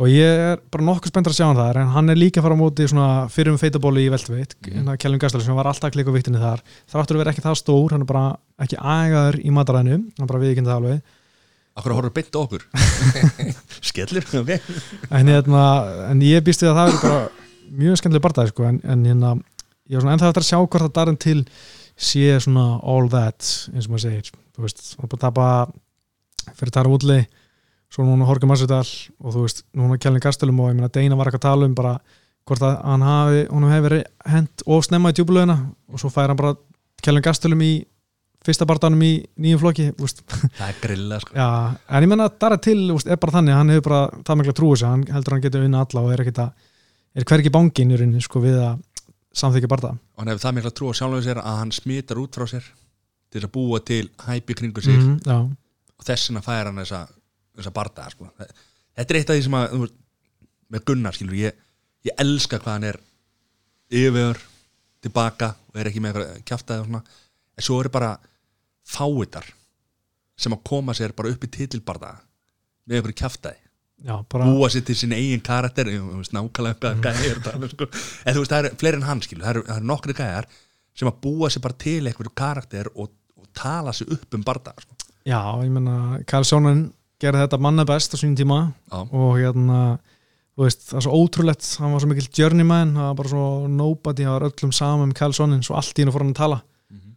fekk bara, hvað, tvo sigra og svo titilbarta Þegar, Floyd Mayweather skilur mm. Gæði voru, sem að allir elska að horfa á að Þú veist, þú horfir á hann hvort sem vilt að vinni að tapi skilur. Já, vilt horfa á hann tapa. Er, þegar voru að tala um hann að búa sér til karate voru það að tala um hérna Mikael Pereira eða? Nei, ég var reyndar að hugsa um hérna Colby Covington. Já, ok, en hvað er fyrir þá í það, þú veist hvað hva, hann ymmi tók á móti Íranum, konunni. Já, hvað var í gangi þar? Þetta er- Þú vantar, já, þú varst að lýsa, já ég var að horfa á þig þetta er geggjar geggi típa, skal ég segja, ekki geggjar barndamar Hvaða gæði er að tala um? handahlaups gæðin Já, og tók ekki bara Fyrir, fyrir fólk sem er að hlusta bara sama, hérna. hann, sem sagt, hann tekur handalöp og breakdansar bara á, á striganum fyrir, bæði fyrir og meðan að- á bardaganum stendur og svo á móti Conley þá sko einhvern tímann hérna var hann stóðan og honum og tók helgjastök Aftur á bak heljarstök. aft, aftur upp helgjastök í staðin fyrir að, ráðast á hann og, og reyna að sigra hann þá ákvað hann að taka hérna eitthvað sirkústrykk og ætlaði hvað, stappa, stappa á honum sko, hann lendi ekki alveg á honum en, en hérna, Já, það verið ólögt ef hann hefði hitt sko. Er það? Já, já, þá var hann að stompa á honum það er banna alveg, alveg þú sé sko mægin eða hausinn þú mátt ekki stompa, þú mátt stompa á sko tánum ef hann er uppreitur þar sé. Já. En Þannig að akkur var hann að gera það? hann er bara bilaður skilur Þetta er klikkaði gæði sko. Það er mjög gaman að horfa á hann. Já, sko, hann var líka að segja, þú veist hann, er þreyttur á því að allir sé hugsa um að vinna og vinna á eitthvað, þú veist, hann vil bara hafa gaman. gama, skilur, og hérna vera með eitthvað sjó fyrir áhörundur og þú veist, bara eitthvað MMA að vera skemmtilegt og eitthvað, en ég horfði nú á þetta og ég sko, man, hvernig þú lístir þessu. Það var bara, hvað er maðurinn að gera? Þetta var sko eitt af skrýtnast sem ég bara séð bara, hvernig datt honum þetta í hug. Bara, ok, fyrsta lag dansar hann í búri sem er allir læg, það var ekki það íkta reyfingar, en Það var tekur, samt orðið þreyttur en hann mætti búri sko.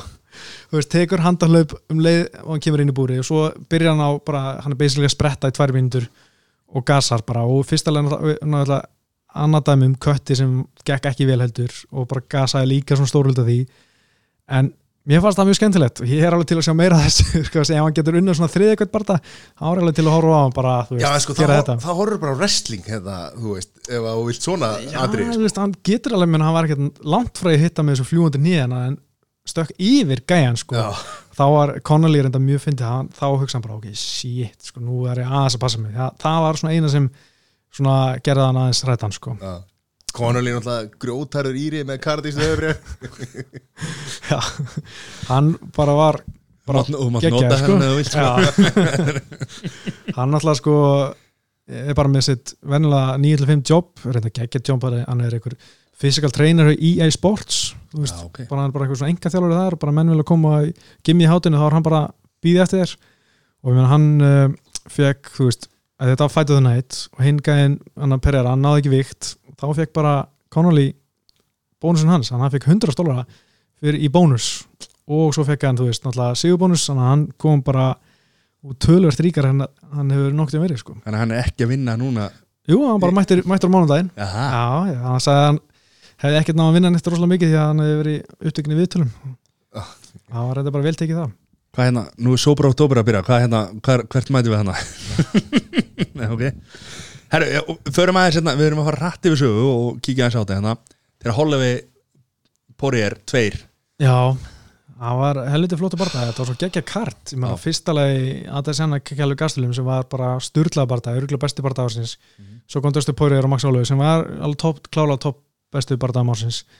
Uh, það kom mér rosalega vort að sjá að Poirier, hvað hann var öflur ég Já. bjóst ekki að hann myndi taka Max Holloway svona, en Max Holloway leit bara út fyrir að vera ekki alveg tilbúin í léttitt ekki alveg tilbúin fyrir þetta power og þú veist, ég held að hann geta alveg verið mjög góður í léttitt ef hann myndi bara fara upp og aðeins að kjöta sig, kannski, aðeins að verða svona meiri léttitt að maður heldur en og líka bara venjast öðrum bodytypum sem eru í léttitt heldur en í fjárhætt En að því að hann er á báðum stöðum þá er hann væntalega að hugsa um það en hann vill ekki kjöta sig mm. -hmm. Já, hann, var, að hann er hann- ennþá með fjárhætt vittabelti og vildi ekki, þú veist, allan að ekki dýrt að láta það af hendi, þú veist, ef þú síðan tapar sko, þú veist, en ég held að ef hann hefði unnið porir, held ég að hann hefði alveg beilað á fjárhætt og verið bara einhver bara áfram mestari til þess að skora á Khabib sko, því að það er rosa dýrt að, þú veist gefa frá sér belti, er þetta ekki lengur mestari og fara upp í flokk og þá farið bara hann inn í þannig sé borga eins og venjuleg fætir auðvitað miklu meira þegar þú ert stand-up en það farið ekki mistara bónus og, og hvað þetta er sko Já. Ég var mjög svektur, ég er mikill hálfum með þér Já, en bara, ég veist, ég er mikill pórið maður, Já, en ég var mjög ánæður með hann sko, Já, en já. ég tippa á hálfa þannig, ég var svektur með það. Já, já. Ég er, já, ég er samanlega en, en Holloway er einhvern veginn minn maður. Það var skellur, já, já. Næsta. Amanda Nú Núnes. Núnes. Nei, segjum við það. Jú, Amanda og And Andreida, Andreida vinkur okkar þeir hafa titubardaði hérna þeir voru hérna þegar Núnes tapaði Þegar tapaði. Já. Uh, Nei, við erum ekki að tala um Amanda Núnes maður. Nei, það er að tala um Rósnama Jonas. Já, já, það var til þennan sko sko, náttúrulega Jessica András, svona, bara, tekur pældræfir, Jessica maður. Já, þetta er ástæðan okkur við erum með því hérna. tók pældræfir á, hérna, Rósnama Jonas og bara, sko, ég held að þetta myndi ekki virka og virtist vera með plan fyrir þetta Rósegnin, að henda ekki arbar við þetta en svo, ég man ekki nákvæmlega hvernig hann fór að því, en hún bara bombar hann á hausinn og þú veist þetta er eitt af því sem ég var hrætt við að ég var keppið emma bara Mm. þú veist, getur mætt einhverju gæja eða konu skilju og hérna sem er bara þú veist, það er engin miskun, það er engin að fara að taka upp og svona, láta það niður létt og róla, hann er bara að fara að bomba það niður og bara, þú veist, ég hugsaði fyrst og ég, hún Jessica András sagði líka bara, hætti að kýla fyrst því hún var ekki viss hvort það var á lífi ekki, sko, veist, það er bara svona veist, bara lendir á hálsinn maður veit ekkert hvað getur gerst, sko. Það er svona alltaf, ég var hættast við þetta ég var að keppja um hún reyf hana upp og hendinni niður sko. bara á hausinn, beint á hausinn sko.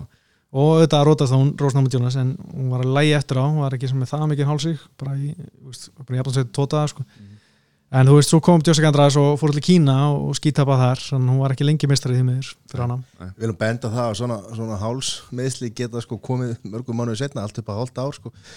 En það er önnur sagði, það er lagnavístir en hérna já, er Cyborg, er hún nú er það frískupa minni veit sko að því að hún, hún er farin til Bellator. Sko. hún er farin til Bellator, já, hún gafst upp. Já, nei, þú veist bara samningurum búinn og var ekki endinu í öður og Bellator kipta hann yfir Já, bara Dana White, bara ekki að nenni þessu ég, ég held að Cyborg sé ekkert svo auðveldasta í, í samskiptum og samningaviðraðum sko, en ég menna hún er samt einn besta bardakonni heimi, fyrir þetta Núnes einn besta Mhm. þannig að Mhm. hvað er hérna, hvað er Holly Holmes hún er að berast núna í hérna, oktober á móti Raquel Pennington hún er bara, þú veist, hún er búin að tapa fyrir Núnes og hún náttúrulega, já, var að berast titilin við Núnes í hérna hvað er sumarakt hjá Já. en hún er bara, hún er bara ekki nóg góð sko. Er og allir svo- búin að gleyma svo- og meðan að sé ég er búin að gleyma henni hérna Ronda Rossi Ronda Rási, er hún bara nei, hvað- nei, nei, 22 miles maður. Hún geggjum mynd með er hún, henni bara, hérna. ja, er hún bara farin í, í kveikmyndinar Uh, ég er bara ekki sér neitt Og svo með henni í Hollywood. WWE. Já, hún er náttúrulega, já, já, hún, fór í hún fór í vers hún er að meika það maður. Hafði ekki ágjörð því. Hún er að- hún er að fínt. klára mína konu Rós, er hún hætta? Nei, ég held ekki, sko, hún er eitthvað sá einhver frétt nú dagina sem hún er allan að svona íhuga endurkomu en ég veit ekki alveg hverri það verður því að núna er náttúrulega, þú veist maður vildi sjá alveg fyrst eh, Rós og hérna bara Jessica András bara að mætast aftur. En hún er allan Jessica búin að tapa titlinum og, en ég get alveg trú að Rós geti komið öflug gegn Veili Sang sem er núna mestarinn í stráikona. Og það er fyrsti bardaginn ekki í Kína sem að fyrsti fyrsta, mestarinn fyrsta, fyrsta bardagkvöldi í Kína. Nei, nei, nei, nei, nei, nei, að bara fyrsti mard 2-3 áður ja. ég veit heldur ekki um þetta sko. Bara... já, þannig að hérna, það var já, hún maður. Það var styrlað bardaginn maður í Kína. Jæja ég er að vinna hérna. Herru, Holloway og Edgar hann tók hérna Já, það Holloway- var minnst óvandasta sem ég sé held ég. á, á Edgar átti ekki breyk. Nei, þú veist, gamli maðurinn Frank Edgar, hann er bara ekki lengur þú veist, einn af þeim bestu í heimi en menna, þetta er geggjar gæi og menn Og- bera mikla vinningu fyrir hún mm -hmm. og einn af þessum gæðin sem að bara menn hvað, þú veist, bara, þetta er bara fyrir þetta kannski Cowboy Cerrone Já, það er svona nokkri góðu gæjar í MMA og UFC sem allir bara fíla. Mhm. mm. Steimi Maja og hérna en er það með Demi og Maja? það er alltaf sama trikki maður. Skiptir Já, ekki, það er góðu gæi skiptir ekki máli hvernig sem karakter, sko, það fíla allir Cowboy, fíla allir Frank Edgar og hérna það er svona nokkri, nokkra típur sem bara getur ekki við illa við þennan mann eða þessa konu, sko. Kormér, elskalli Kormér Já, það er samt hann, ég veit ekki okkur það er alltaf einhver sem er eitthvað mótið við honum ég, ég veit það, það bara, ég hef aldrei skilað heldur. Ég veit ekki hvort það sé einhver John Jones aðdándur sem er bara fúlir eitthvað en ég meina, mér finnst hann Kormir bara einn mest í toppgæðin í MMA heiminum í dag sko. ég, það var púa á hana heimavelli og allt saman mm, ég, ég bara hanaði ekki menn þetta gæði sem hefur gengið í gegnum svo ógeðislega mikið menn hann, sko pappa sem var myrtur þegar hann var tíu ára eitthvað, veist, besti vinur hann stóð í flugslesi hann misti dóttur í hérna, í bílslesi og þú veist gengi, og skeita á þessu ólupileikunum þú veist, átti bara hvergi heima þú veist, að hann klúraði niðurskurinn hann 2004 og bara þá átti hann að vinna- gulli, sko, hann var svona það sigurstranglugur en þú veist, bara hann átti ekki afturkvæmt neinn neinstæðar og var bara að vinna einhverju skrifstofi allt og þungur fyrir MMA og verður bara þunga þetta og léttungu þetta mistari, þú veist, þetta er, þetta er geggjar gæði, sko. og fyrst að við erum komin á það topic þá fannst mér svolítið skrítið að því að hérna, ég hef ekki sjáður og hérna, því ég horfum ekki sem sagt ég hérna, já þetta er á nóttunum svona. Ok, allt í lagi með það. Sjá kormér á streganum með mækin. Það fannst mér eitthvað skrítið sko. Eins og þá er ég að vitna í síðasta bardaða þegar Cabo Cerrone og hérna Gatse Akkur finnst þið það skrítið? nei bara þú veit, tjampin hann að mættur Hann er búin að vera í þessu sko, það er ég, þetta var ekki fyrsta sem ég, sko. veist, ég vildi bara sjá hann í stuðbuxum hann sko. Já, nei, nei, hann er bara koðin á annað hérna, starfsvettfang Já, hann er búin að vera aðeins að fóta fyrir, fyrir sér þarna og hérna líka með þátt á ESPN Plus sem er eitthvað destin, nei mann ekki, svona, það sem hann skoðar hvert fætir fyrir sig bara mestrana og hann er sko að hann er vist bara að klippa þetta sjálfur allt sko, hann er bara, Já, bara alveg hands on að sjá um þetta allt sko. En hérna fær, ég veit alveg með eitthvað með sér sem hjálpar hann sko en ég kenna hann að copy-paste og hérna í klippi fórhundinu og allt það sko en hérna hann er veist, með þetta, svo er hann að þjálfa eitthvað high school uh, team í hérna ólefiskur glímu þar sem hann er bara með joggi- í joggi- í jogginggalanum búin að gyrða bólið niður og veist, allir þessi baki sko. Og þú veist, og en þá er þetta þjálfa eitthvað svona að hjálpa til í AKA sínum fæturum þar eða svona æfingafélum. Það er bara með mörg uh, játn í eldin Þetta er svo mikill maður fólksins. Já, Mhm. ég fór snemma kormi í vagnin en allir, og sérstaklega í, í að móti hérna Jones, mm þá var ég kormi maður E, það voru mjög fá við, ko- sko, við hérna, íslenski kormiðklúburinn við hefum komist sko, fyrir í tveggjasæta por sko, það, bara, Já, það var ekki margir sko. aldrei skilið þetta sko, ég, aldrei, og, og ég er ekki að segja að ég myndi að fara í sko, kormir klubbin, ég er ekki, ég er ekki formar þar, ég er kannski svona ég mæti kannski stundum að fundið eitthvað. Ég er ekki eitthvað svona all in í kormir sko. Meðlimur? Í meðlumur en, en, veist, en mér finnst það frábær en, hérna, en uh, ég skil, skil samt ekki þú veist, þetta heit sem hann fær stundum. Að mennum finnst hann leiðilegur og asnælugur og eitthvað, ég, veist, menn mög alveg hann má alveg vera leiðilegur en hann er samt bara nettu gæi svona bara yfir allt sem hann hefur gert sko. Hann er bara ekkert leiðilur nei, mér finnst það bara mjög fýtt sko. Já, það er bara máli sko. Svo Þetta tapar á móti Stípei mm Stípei er sko, ameríski draumurinn sko. Kaftir að meira það Er- vinnur í slökkulegin ennþá sko. Já, mér finnst það reynda magna sko, ég meina ég held að þetta væri bara svona PR dæmi, hann er bara að vinna slökkulistina, hann mætir hann á, þú veist, tekur hálfa vakt eða eitthvað og svo fer hann bara að æfa, hann var í alvegni fyrir hann bara að að æfa þrísar, taka þrjár vaktir á viku.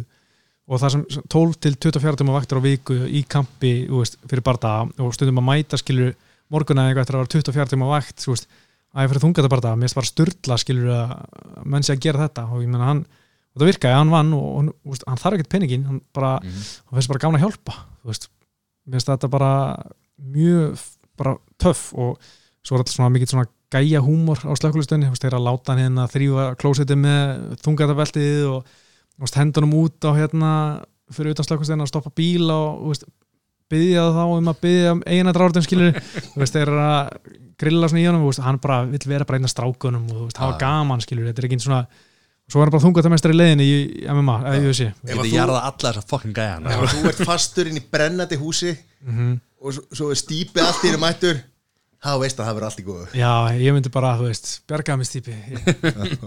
Ég það myndi kannski öskra hvað er þetta Vertu með mig á annar ösliri og belti á hinni maður?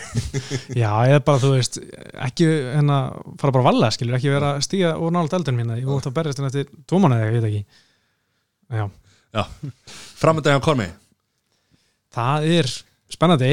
Ég veit ekki hvort hann haldi áfram með að hætti, sko. Ég er ekki búinn. Ég langar eiginlega að sjá hann hætta, sko. Ég meina, þú veist, þú veist, orðin 40 ára gamall þú veist búin að tapa núna eftir rótök, þú veist varst frábær, skilur, en en hann gæti fengið rímats gegn stípið hann vill en mér veist alltaf bara flottar að menn hætta bara svona, þú veist, ennþá einan af þeim bestu, sko. Mér veist það töff, í staðan fyrir að hann kannski færa annar rímats gegn stípið, tapar og þú veist hætta svo, þú veist, það var búin að taka skada þú veist, en minna, svo hann alltaf alveg unnið stípi, hann var að vinna hann að barða hann var rótaðir en mér veist, já, mér veist bara flott ef menn uh, hætta svona með smá ekki að draga þetta langin, hann getur hætt með, með tigg mm algjörlega, og, og svona þú veist, já, eins og þú segir með marga barða vorum að tala um aðan hérna, hversu lengi eða hvenar ertu á toppnum og eitthvað svona, ertu 32, 35 eða 38 eitthvað svo leis miklu betra bara eins og fyrir svona mann að, að þú veist, ég ætla ekki að segja að hætta hljóðlega skilur að því að meina hann er ennþá í senunni hann er mættur á stregan eins og síðustu helgi að svona hætta bara í staðan fyrir að hætta með tappi bara svona, já, bara svona einhvern veginn að svona meðan þú ert ennþá einn af það bestu og Já. líka hérna þú veist, svona þannig sem er heilsunum leið, ég menna hann er drullu tæpur í bakinu hann, sko, hvað var þetta hann var á móti hérna Derek Lewis á fæti þá hérna nerraðan og var bara fastur í bakinu, fekk tak í baki. Þá vorstu orðinu svona svolítið gamallega vorstu farin að lendi því sko. Það er vesenni. Já, vesen sko, ég meina hann var bara heppin að geta barist þannig þannig dag sko, því að hann þurfti bara að ganga til og mikið eitthvað en þú veist, þú ert festast í bakinu og ert að nerra þá og ég veit ekki hvað, hversu mikið erindi átt að vera að keppa í UFC sko. Samt jarðaðan Derek Lewis en Já, það er hann að mál okkar, okkar besti maður Derek Lewis hann, hérna, hann var að borða hérna, hvað var hann að borða, hann var að borða bara kjúklingavangi og eitthvað drastlanda bara rétt. Okkur klukkutum við fyrir það er gæði sko. og ef þið er ekki fylgjónum á Instagram The Beast UFC, nei, hvað heitir The Beast MMA eða? Já, svoleiðis, ég, ég manna ekki alveg sko. Það er oh, öll vídeo sem þú vill ekki sjá hann er að posta þeim sko. Nákvæmlega, ég saknaði samt smá að sjá hjá Derek Lewis, hann var miklu meira hérna, að posta svona eigin gríni, þar sem hann var eitthvað svona ég veit ekki, þykist vera hvítur þú veist, í, í útkörunum eitthvað þar með að staða mjög fyndi svo líka er hann hérna það sem er svo magnað þegar hann að flóðin voru í Houston, hvað 2017, þá var hann bara á pikkunum sínum að, að hjálpa fólki og taka upp í pikkunum og meira þess að bara einhver bullandi rasista með suður ekki að fána skil hann var að bjarga öllum sko Já. og bara hann, þú veist. Þetta er svona maður fólksins. Já, geggjaða gæði sko. en hvað, hérna, Stípei er hérna hver er næstur í rauðinu þar? það er bara Jones eða er það, Nei, afríska undrið bara hérna Engano það er bara rematch. Ég held að sko nema nema því John Jones var að tvíta eitthvað um daginn eitthvað stórt er á leiðinni. Og þá held ég bara ok, þetta er bara enni, enni titilvörninni því að næ, ég myndi segja svona tangla sér Jan Blackovits pólverinn næstur í rauninni, svo var hann Jan bókar í barndækja í Sakarei. Og ég veit ekki alveg hver er næstu fyrir John Jones kannski er hann loksins að fara að þunga eitt. Ég veit ekki á samt pínu er maður að sjá á móti stípið því að ég var aldrei verið neitt rosalega spenntið fyrir að fara í þunga eitt nema að sé á móti Brock Lesnar eða eitthvað sem hann á að vinna. Þannig að veist, kannski er hann að fara að loksins upp í þunga eitt. Fyrst hann var að tala um þetta og kannski er það næst fyrir stípið en, en svona, ef við setjum hann út fyrir þá held ég sé rímats við Engano og ég er bara spenntur yfir því þó að þetta hafi ekki gengið neitt frábæla Já. Að vinna þrjáiröð og allt með róttöki á bara 90 sekundum eða eitthvað Já. Þannig við veitum ekki hvernig er að ef að hérna, eins og Stípe tók Ingano síðast þá Mhm. var þetta bara svona hann muldan bara niður Já, hann bara tók hann niður og hérna brautan, þreytan og. Já. en maður veit ekkert um hvernig wrestlingi að sjá hann meir í dag maður, þessi þrý sigrar hjá hann hafa ekki satt manni neitt sko, er það? Er hann búin að jafna sig eftir hérna var ekki mútið Lewis þegar hann hérna þegar hann gaf nú frös Já, hann var ríkalegu barndagi leiðilegsti barndagi sögu auðsjörgla en að Engano og Lewis. Já, já, þetta var bara, þú veist, þetta var einhver samtals sex högg í öllu barndáru sko.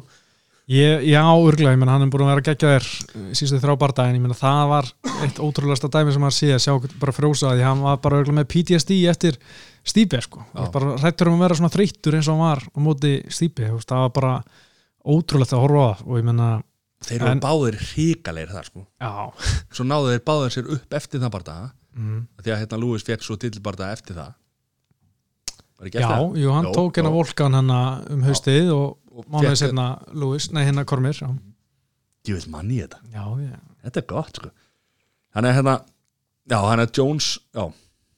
Þannig að þetta er spurning hvort að Jones sé að fara upp eða hvort hann sé að fá einhvern Hann er potti að fara upp ef hann er að hóta fyrir stóru já, hann er samt talaði áður um eitthvað svona og svo ekkert gerst sko, hann er búin að tala um þunga þetta sem hann var sko, í, hann er búin að tala um að í tíu ára að fara upp sko, ég er ennþá að býða.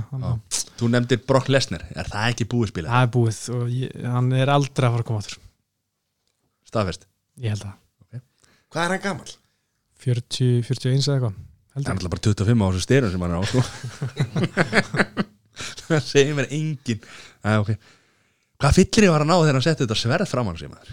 Herði, hann var búin að útskrift einhvern tíðan hann, hann var okkur svona skrýtnum staði í lífunum og hann að leiði No svo og leiði svo sko lífið hans sko einhver væri svona með sverð að, að hálsunum svona eins og væri bara svona einhver hálsbreytt frá því að vera dreipin þetta var eitthvað svona pæling hjá hann þannig. Ekki besta pæling sem ég heyrt en ég menna hann er með þenna sverð sem lítur næstu út eins og tippi skilur á bringunni sem er alveg, þú veist, mjög einkennandi en uh, ég myndi ekki gera þetta sama ef ég á að segja eins og vers Nei, en, en þú veist Við getum splæst í þetta ef þú vilt sko. Já, það væri nú gaman að sjá hvernig þetta kemur út og svo myndi bara svona hætta við að stróka þetta út eða eitthvað, ég, er til að sjá það sko. Já, meira það, bara setja svona blek á. Já, bara sjá þetta. Já, ég er bara til að slefa þér sko. Þetta er ríkalegt. Ja. Ok, hvað hérna? Khabib, Já. Pff. Þetta er bestið fætir í heimi það er svoleiðis. Já, ég held það, sko, ég held bara einhvern veginn að það er enginn að fara að vinna hann. Hann er bara að rústa þessum mönnum. Ok, Dustin Poirier átti tvö augnablik. Það sem hann næra að hitta hann hana í annar lótu og maður held að hann væri vangaðar en svo bara einhvern veginn skokkar hann smá ring og jafna sig og svo bara gera hann að sama. Það gillotin var miklu tæpar enn bjóst við. Og veist allan að því ég var að horfa á þetta að ég held bara einhvern veginn, það er enginn að fara að bara söppa hann á bakinu, ég bara trúði ekki. En ég menna hann er bara besti glímumæður sem ég æfini sé í MMA, því hann bara getur tekið alla niður og smassa á alla og, og gera þetta svona svo létt. Og þó hann sé ekki frábær standandi þá er það bara einhvern veginn það dominant í gólunni að menn fá ekki mörg tækifæri á að veist, hitta hann. Og þessi litli gluggi sem menn fá til að hann standandi hann er alltaf einhvern veginn svona þannig það lítill að maður svona maður er ógæslega spenntur að með þetta standandi svona sjá hvort einhver gerir eitthvað en svo gerist það ekkert, hann nægir bara að gera sitt og þú veist, ég held að hann gæti alveg verið einn af þeim sem gæti hætt svona undefeated sko. Hann er rosa krútlegt að pappas fekk að vera í búrinas núna í Já. fyrst skipti í, hérna, í hotninas Já, fyrst skipti bara í, í UFC ég held hann sko, mér finnst samt eins og ég hafi síðan áður sko. en, hérna, en hann allan að Kabi bara tala það, hann, að- hann lítur, á, lítur á rétt fyrir sér en pappa segir algjör típa hann alltaf, hann er sko allan að hafi mendið svona yfir þjálfurinn á AKI segir alltaf hann sé aðal maðurinn á bakvið Kabi, þú veist, leikplani hann sé, þú veist, búin að hugsa um þetta allt í öllum smáaturum bara fyrir bara, þú veist, atbyrð fyrir atbyrð bara hvað gerist og hann er svona með allt plan við öllu sko. Hann byrjaði náttúrulega að láta Kappi berjast við hérna, skóabinni þegar hann var tíu ára. Eins og menn gera. Það er ekki pleistir svona sko. Nei, þú veist, þetta er bara einhvern veginn svona, veist, líka allt með það með Conor dæmi og hann, þú veist, svona ólíkir menningar heimar að bara skarast á, þú veist, við hérna vestræna menningin eitthvað sjáum eitthvað pappa henda stráknu sinum að glíma við Bjarnarhún þegar hann er nýjar, þú veist, bara hverjum dettur þetta í hug að setja batni svona aðstæðir en svo er þetta bara klikkaslega áhvert og þetta er svona þessa, líka þessa tvær hlýðara kabíp, þú veist, sem okkur finnst geggjar eins og með Bjarnarhónin þú veist, með hérna hvernig hann tala við anstæðingabúrunu bara, þú veist, er bara að hætta núna og gefstu bara upp, þú veist, ég er bara að vinna ég á að skila berðsum titilin og eins og gerir hann að Michael Johnson. Og svo þegar, talar alltaf bara út Mhm. úr búrinu og, og, já. og hérna, og Dana Mike- White Já. í miðjum barða, þú veist, á meðan hann er að buffa Michael Johnson, þú veist, hvernig að sé að sé vera að buffa þig og gæðin er að tala við annan gæja, sko. Mhm.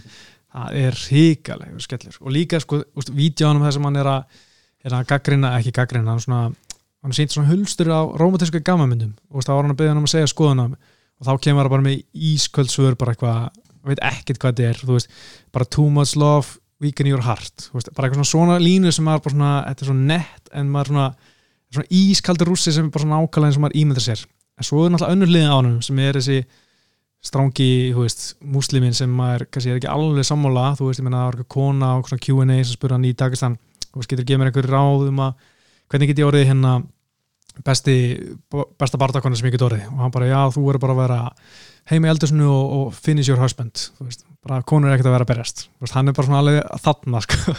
og svo var eitthvað svona leikrit í Dagestan sem var eitthvað svona hann fast vera of kynferðslegt og hann vildi bara fá að banna það. Bara, bara hérna, loka þessu. Bara þetta er ekki hérna hæfi og við hefum ekki verið að sína svona sóra hennar og svo er einhver rap tónleikar í Dagestan og hún fast að vera, þú veist, bara æskan í dag og bara vera í íþrótum og hérna og lesa kóraninn eða en á ekkert að hlusta á svona svora tónlist, þú veist. hann er bara alveg í þessum pakka skilur líka.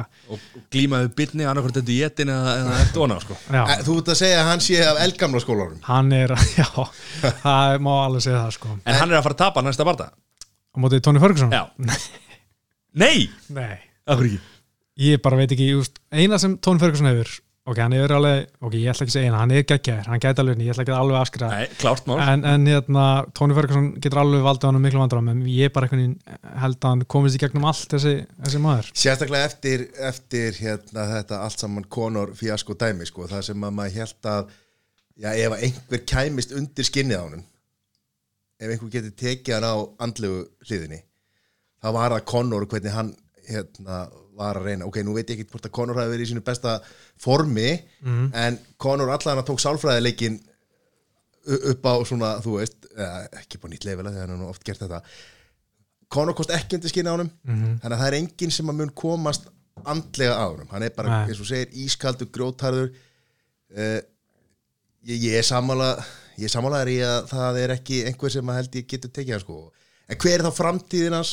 Þú heldur að hann fari bara ósigraður gegnum ferilinn. Ég ætla að tippa hann hætti bara 30-0 hann tekur Tony Ferguson svo einhvern, já, kannski Justin Gaethje. Og ég meina það er bæði bara það sem ég er mjög spenntur að sjá. Bæði sérstaklega er henni bara báðir bara geggjaðar á sinn hátt en Justin er með þetta geggjaða wrestling sem hann notar aldrei en hann er mjög góður að skrambla og verjast fellum maður sá það í World Series of Fighting en ekki margir reynda í UFC að taka niður og svo Tony Ferguson bara með þetta skrambúl og hann er bara svona vælkart, hann er svona djókarinn, þú veist, ekki hvað hann var að gera. Hann tekur, getur verið að taka sambandans á múti þér og olbóði og hérna og allt henni blóðgæði og svo jafnvel fara í einhvern darstjók á bakinu, þú veist, hann er svona svona óvandara matchup heldur en Justin Gaethje en veist, ég er bara til að sjá þetta bæði. Ferguson var að klára hann. Hafði ekki ágjör ég væri hvað gerir Khabib eftir að Ferguson er búin að klára hann? Rímats og þá smastar hann. Ok en hvað hva gerir hvað gerir Khabib sko, ok, hann tapar á móti Tony Ferguson, við erum búin að við Það er að klárt. hvað hérna, svona þegar fyrirtin er búinn? Nú sjáum við Kormi er sko, þá ekki, ekki hættur eða ekki, hann er komin á strigan og hann er, hérna, og hann er geggjaður á eitthvað hérna, ég sá ánægð með að kalla þetta hann komin á strígan hann er að hérna, mastera hérna, eitthvað klippi fórið sko. Og hérna Khabib, fer hann bara til Dagestan og, og tekur hann þú veist, hann er, hann er væntalega ekki að fara að vera eitthvað svona kommentator eða eitthvað svona sko. Fer hann bara í, í verður hann bara svæðistjóri hérna, er þetta ekki sjálfstjóta hér að hjá Rúslandi tekur hann hérna frá Filipshegjum mann er pakkuð Pagio, tekur hann hérna Klitsko, fór þeir ekki í pólitíkina líka? Já, þeir hann bara í pólitíkina í Dagestan og, og ætlar að færa Dagestan aftur í gamla heiminn eða? það geti hann getur gert auðvitað ímislegt hann er náttúrulega mjög vinsall svona en líka umdeldur en ég held sem mjög vinsall í Dagestan en í Rúslandi er hann alveg umdeldur hann kemur náttúrulega úr hann að Kákasusvæðinu sem er, þú veist, hans öðru sem menning þar heldur en í Moskvu og þar sko. Þannig að hann er ennþá svona umdeldur ekki alveg allra fyrir sína skoðanir. En ég held að hann sko hann getur alveg kommentator á einhverju rúsnesku bardagkvöldi hann, getur verið eitthvað sendi hér og þar og einhver að að svo á hann alltaf nú á pening og ég held að hann lifir ekkit rosalega hátt sko. Ég held að Það þurfi al- mikið sko. Það er bara alveg þessi 14 börn sem hann á sko. já, það er verður einhver með einhvern bjarnarbúkar einhver staðar. Glímubúkar. Það er mjög þetta mjög ávart með Khabib. Hann býr ennþá hjá fóruldra sinum sko.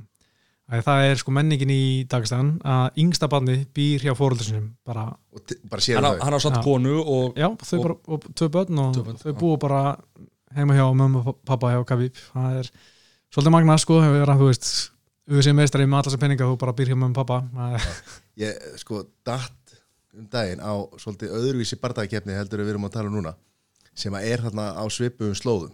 Ekki segja okkur frá okkur sem vart að horfa á, á, á hérna það síðan er, sem sagt, það er eitthvað hérna, rúsneð sko eða svona einhverstaðar lengst í Rúslandi það er hérna þá eru menna að keppa í að slá utanundir mm, ok. og það er bara tveir menn, eitt lítið borðað milli og svo bara stenduru og þú ert bara slegin kynhestur svo bara, þú veist, og þú farið að jafna svo bara, er, þú veist slærið þú. Og það er bara verið að gera sjónvarsætti um þetta. Þetta er bara svona slap face og það voru hrika leigi rússar. Það var eitt svona svipur Khabib hérna, típa koma einhverju, einhverju sveitabæ býr með hérna, mömmu sinni. Sko, þú veist, var að velta sko risa svona dekkjum sko. Og svo bara stendur hann bara og hann er bara með mesta kjálka í heimi sko. Það er bara risa menn að slá hann og hann bara sér ekki högga á vatni sko. og svo eru gæjar sem standa fyrir aftan til að grípa menn þeir eru bara að slá það taka þér á móti. Þetta er það uh, getur verið kommenti og það eru kommentatorar og, og allt saman, þetta er bara sjónvarpa þarna í, þarna í þessum héruðum þarna. hann har ringt í Khabib og segja að maður getur verið kommentator á þessu. Það er framtíð fyrir Gabi þó hann hætti sko. Já, alveg klára Ég, ég nefnilega hugsaði líka að hann geti hætt tildulega snemma sko, því að hann, hann er ekki er ekki, hann er ekki sama hann er ekki að spreða jafn mikið eins og næsti gæði sem við erum að tala um sko. hann hann, alltaf hann sko, þarf alltaf að borga heim sko. Já, hann þarf að, borga heim en hann alltaf sko Gabi hérna, alveg stólur mig alltaf að segja en hérna Conor McGregor já, ég fór bara að hugsa um Conor allt í einu sko. það er gæið sem þarf aðeins að taka til í sínu lífi sko. mm. bara, það er rosa lítið jákvæmt að segja um hann held ég sko. E- Eina jákaða er kannski væntalega á, á hérna, social media hérna, hvað er þetta? Social media, hérna á Twitter. veralda, veralda vefnum Já. eða þú veist, við erum að reyna að tala íslensku hérna þetta er samfélagsmiðlar samfélagsmiðlum Þú veist, þá er það með, tekja banda faðir kona og, og þú veist, að setja það alltaf inn svona rétt eftir að hann er búin að gera eitthvað skandal sko. Þá kemur alltaf pappin og hennar ábyrgi fjölskyldufæðurinn í ljós sko, mm. veist, á, á samfélagsmiðlum en inn á milli er hann bara, þú veist, gera eitthvað skilur. Já, já, þetta er, þetta er vesen á hann. Hann var að berja einhvern gamla kall Já, á bara því að hann vildi ekki drekka viski hans. Hvað er, veit. ég er einhvern veginn af hverju er það, er það að fara á flug? Er proppið vel að að já. fara á flug? Hann er að nefnilega- mókin já, hann sko. það er umlega ég var að heyra sko hann uh, græði meira á því í ári heldur en bara hann fær fara á auðvitað að vera berest sko. Þannig að hann er bara nokkuð settur sko en þú veist, þetta er ekkit, ég smakkaði það þetta er ekkit sestat sko, en ég er ekki einhver viski sérfræðingur en, en þetta er svona, skildi ekki mikið eftir sig Þetta er allt í lagi, þetta er bara, þetta er eins og ódýrt viski sko. já, já, þú veist, þetta er auðvitað að vera að keppa við Jameson og ég veit ekki Jack Daniels eða eitthvað þannig að þú ert bara að kaupa þetta í einhverju bara og þú veist ekkit um viski en sko. það mun halda áfram fluginu eftir að hann hérna, er bara farin algjörlega úr, úr, hérna, úr svona Þetta- og þetta- þetta þetta er út. Er, Nei, er þetta- þetta viski að fara að halda áfram? Nei, það eru stórir eins og segja Jameson og fleiri, það eru Já. stórir leikmenn að markaðinu sko. Þeir munu frekar halda heldur en, heldur en Proper 12 nema Conor haldi áfram að berjast og haldi áfram að búa til. Og Já. það því að eins og Jameson er búin að vera hvað, hvað, er, hvað er að gamalt? Og þú helst í viski sérfræðingur spegginga ég bara, ég það ekki einhvern tíma síðan að miðaldu við eitthvað sko. Byrjar að drekka það þá Nei, ég er að segja, það eru fullt, fullt af svona alls konar viskíum sem að eru í svipum geðaflokki búin að vera lengi og Mm. hérna og svona og, og Propi 12, 12 fjekk þetta meðbyr með hérna með Conor Mhm. uh, menn hafa, George Clooney var hann seldi náttúrulega hérna, tequila fyrirtæki sitt hérna, ekki fyrir löngu síðan á eitthvað biljón eða 2 biljón dólar að segja, mm. Veist, er Con- Conor ekki að fara að leika þannleik sko það getur verið Já, ég meina já, ég nefn að þetta verða bara eitthvað algjör veistla, þetta viski og ég meina þú veist, og hann haldi áfram að verða eitthvað svona frumkvöld eftir hann hættur að berjast og að gera eitthvað svona hluti sem fólk mun taka eftir þannig að hann verði þekktur fyrir meira en bara einhver trilltur fætir. Ég veit ekki hvað það getur verið, einhver leikari eða þú veist, gæti farið það. Einhver WWE karakter eða eitthvað, svo ég sjá hann ekki endilega fyrir mig það sko. En ég meina er eiga, ég heyrði allan eitthvað þeir eiga erð með annað eftirspunn og þeir eru farið að flýta framlýslunni þannig að svona gæðin eru klára ennþá minni núna. Já, það báður ekki gott sko. Nei. en ég meina hann er samt sko ég held hann að ég pottið við á, í, svona einhver vandamála stríða með áfengi og fíknefni sko. Og þú veist, hann verðist bara alltaf að kóka þegar hann er að gera eh, þessa skandala en ég á mjög erð með að sjá fyrir mér gæða sem að reyna að selja viski og fullu fara í meðferð sko og taka sér eitthvað á þannig sko Að það er eitthvað ópenbærilega sko. Já, hann geti nota gömlu línuna Don't get high on your own supplies. Góður. En hvað, er hann að fara að berjast áttur eða? Já, ég held að sko, ég held að hann mun alveg, þú veist, vilja koma áttur og sérstaklega þegar hann tapaði síðast, hann mun kannski vilja hætta allan á sigri eða þegar hann gerir það, en ég er bara, ég er ekkert svo spenntur fyrir því, sko, nema hann einhvern veginn sína, hann bara búin að taka sig á og hans að reynsa til lífunu því sínu því að það er alltaf einhver, ég held að segja einhver sóra líður, líður sem er með honum, sko, og hérna hann er að koma sér í vandræði, veist, ég veit að byrja hann ábæra sjálfum sér, en ég held að hann sé ekki eitthvað alltaf góðum stað þegar hann að vera þú veist, á vökunni í þrjá daga og, og dópa að drekka og síðan, þú veist að ég veist bara með sér myndramnum fyrst maður hann líta bara frekar illa út sko, þú veist, og maður kannski ekki að lesa alltaf mikið í Instagram hann, þú veist, hann er alveg minnst hann eitthvað, þú veist, eins og hann bara sé ekkert svona að lifa neitt allt á helbriðu lífi þessi neisti sem hann, hann er þekkti fyrir er, er hann er að slökna það er held ég erfitt að líka halda saman neista að þú ert svona hungraður í allan árakur og ert svona eins og hann var alltaf að tala um að vilja fá pening skilur og sjá fyrir sínu fólki. Og síðan þegar þú ert komið þetta alltaf að halda saman neista ég held að sé alveg mjög skilinlegt svona í mannlega eðli að, að hérna erfitt að halda saman, saman krafti sko.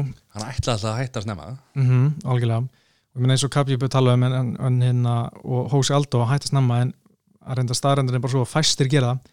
Líka í bóksinu, margir sem ætla að hætta snemma en svo bara einhvern veginn gera það ekki. Og þess vegna er ég svona ennþá pínu eða sem að Kabi hætta snemma. Hósi Aldó ætla að hætta þrítur, hann er á 33 og var skrifandi nýjan samning. Og hann er búin að tala um að hætta í núna var, hann var í ár að tala um alltaf klára síðustu þrjá barða sinu samningum hætta. Svo bara ný, fimm barða samningur þú veist.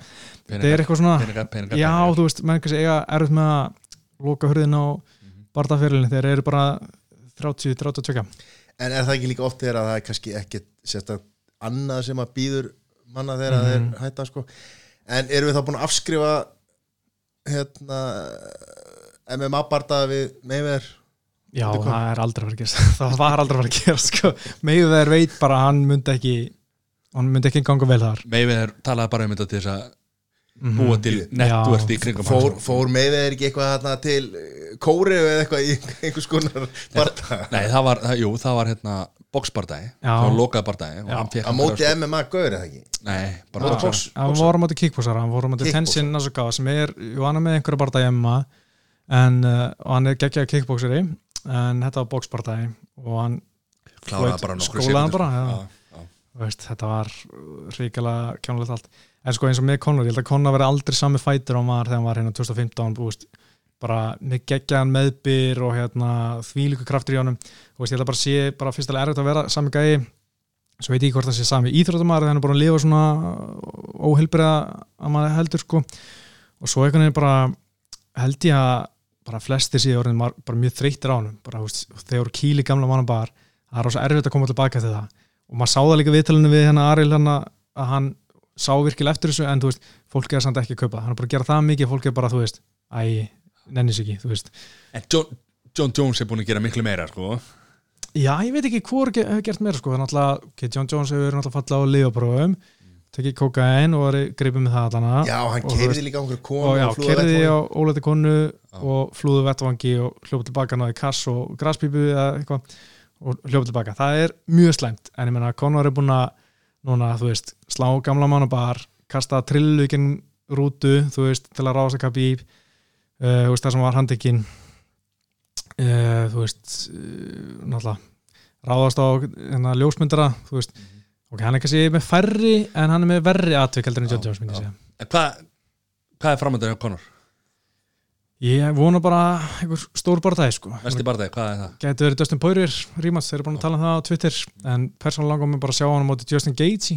Að ég held að það veri ekki kl- klikkaði barðaði og ég held að það veri mjög erfiði barðaði fyrir, fyrir Conor ekki það að Dustin var eitthvað öðuldur en, hérna, en úst, það er eiginlega getur eiginlega ekki klikkað með Conor úst, það er allir barðaðar spennandi, það er alltaf spennandi skilur, úst, það er ennþá spennandi ára þegar hann er að berjast en úst, þetta er ekki eins svona þetta er ekki sama eins og 2015 úst. Conor Díaz, þrjú Ég hef aldrei verið það spennt fyrir því sko. Við erum búin að sjá tvo geggjaða barda þú veist, ég held að þriði sé ekki að fara að vera eitthvað það er bara að vera voða svipað og þetta var gaman, gaman en mér langar frekar að sjá eitthvað nýtt eins og Justin Gaethje Ég spurði bara út af þessu að því að mér er drullu saman sko um þennan bardaga því að Díaz Masvidal mm, já, já, já. Það verður chaos sko. það verður rugg Já. og ég er mjög ánægð með UFC að bara, þú veist UFC er alltaf með þetta að verður að vera hérna titleborda og paper kvöldi og eitthvað belti núna í Matasokar Garden bara stórt kvöld og þeir bara ekki með alvöru titilir með bad motherfucker titilir Nei, einmitt, ekki ennþá. Og þú veist, ég er bara ánægð með það og þeir sé bara tilbúin í að henda eitthvað svona skemmtilegt ég, veist, og- ok, auðvitað er þetta íþrótt og við viljum sjá það bestu mæta þeim bestu og þú veist, sjá bara hver er bestur og allt það. En stundum viljum við bara sjá eitthvað geðið gaman og ef þeir hendi ykkur plattitli á það til þess að það eru fimm lóti bara það er mér alveg sama. Þú veist, bara einhver, mér er alveg sama með titil en þetta verður geggjaðu bara og hann verður fimm lótur en ekki þrjá lótur og verður þessi fimmlóður, já, það er klárt. Það er klárt. Þó svo að þeir hendi í annan tillibardaga á undan eða fyrir aftan. Já, það hlýtur að vera, ég meina þeir eru búin að tala um allar tíma núna sko, og hérna, og þannig að ég býst Hver ekki er þetta? annan nóbur Það var ekki að fara. Nei, ok, já. Shit. Og þú veist, tveir gæjar sem eru bara ég veit ekki hvernig maður orða bara svona thugs. Mm bara Grjótarðir sko. grjótarðir með harða högu og þú veist skemmtilega stíla. Ég veit ekkit, mjög er þetta að segja hve- hvernig þetta er að fara, en ég er mjög spenntur að sjá hvað gerist sko. Þetta er eitt af svona að vera bara á Times Square eða eitthvað? Á guttunni á guttunni Góður. Þetta er eitt af þessum barnum sem ég er alveg bara gjössalega lost sko.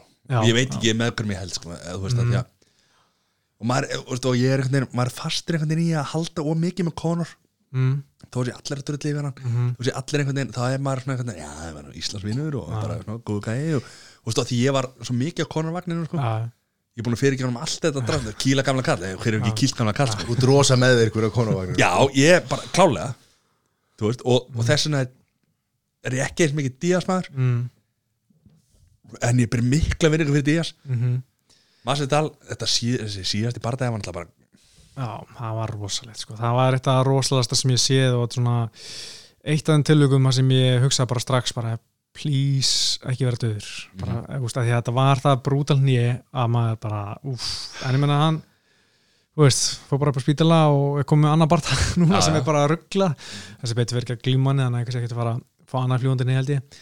En ég menna þetta er samt sko væntalega gameplanin næsta móti sem gæja Deime Maja tekur fljúandi nýja hérna á átti Benarskrim djöðl, það er gott að segja það það var væri- gali sko. það væri bíla en þú veist, maður setur bara með þennan veist, ég veit ekki hvað maður að segja svona, sinn bakgrunn og alltaf einhvern veginn svona skemmtileg típa þú veist, sem segir bara nákvæmlega það sem hann vill og hérna drullar svona aðeins yfir Gunna við hérna, viðtalið við Henry Birgi hérna í London. Já, sagði að hann nefndi ekki honum þú veist, vildi freka bara honum á bílastæðinu sko. en hérna annars bara svona veit ekki hvað, maður getur sagt meira um hennar barða en þú veist, maður veit eiginlega ekkert hvað er að fara að gerast og er báður með sína stíla en ekkert búin að breytast mikið en eru frábærir.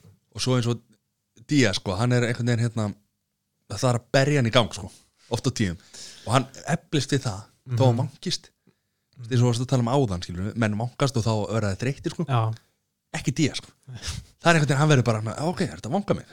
Já bara herri, já, þú. ég- hérna, barðan er byrjað, nú þarf ég að fara að gera eitthvað sko. þetta er og ekki þessi pínu þannig. Lee bara einhvern veginn að smakka blóðið sitt og, og hérna, enda sér í gang sko.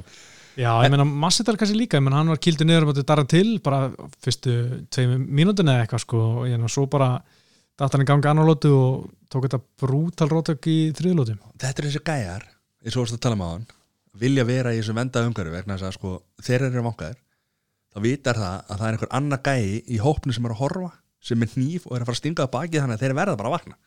Já, þeir komin alltaf bara er vanir þessu að hérna að réttja er mjög góð búndir þetta, þetta, þetta er gali sko. en, en hérna bróður hans hérna, Díaz bróðurinn Nick Díaz. Já.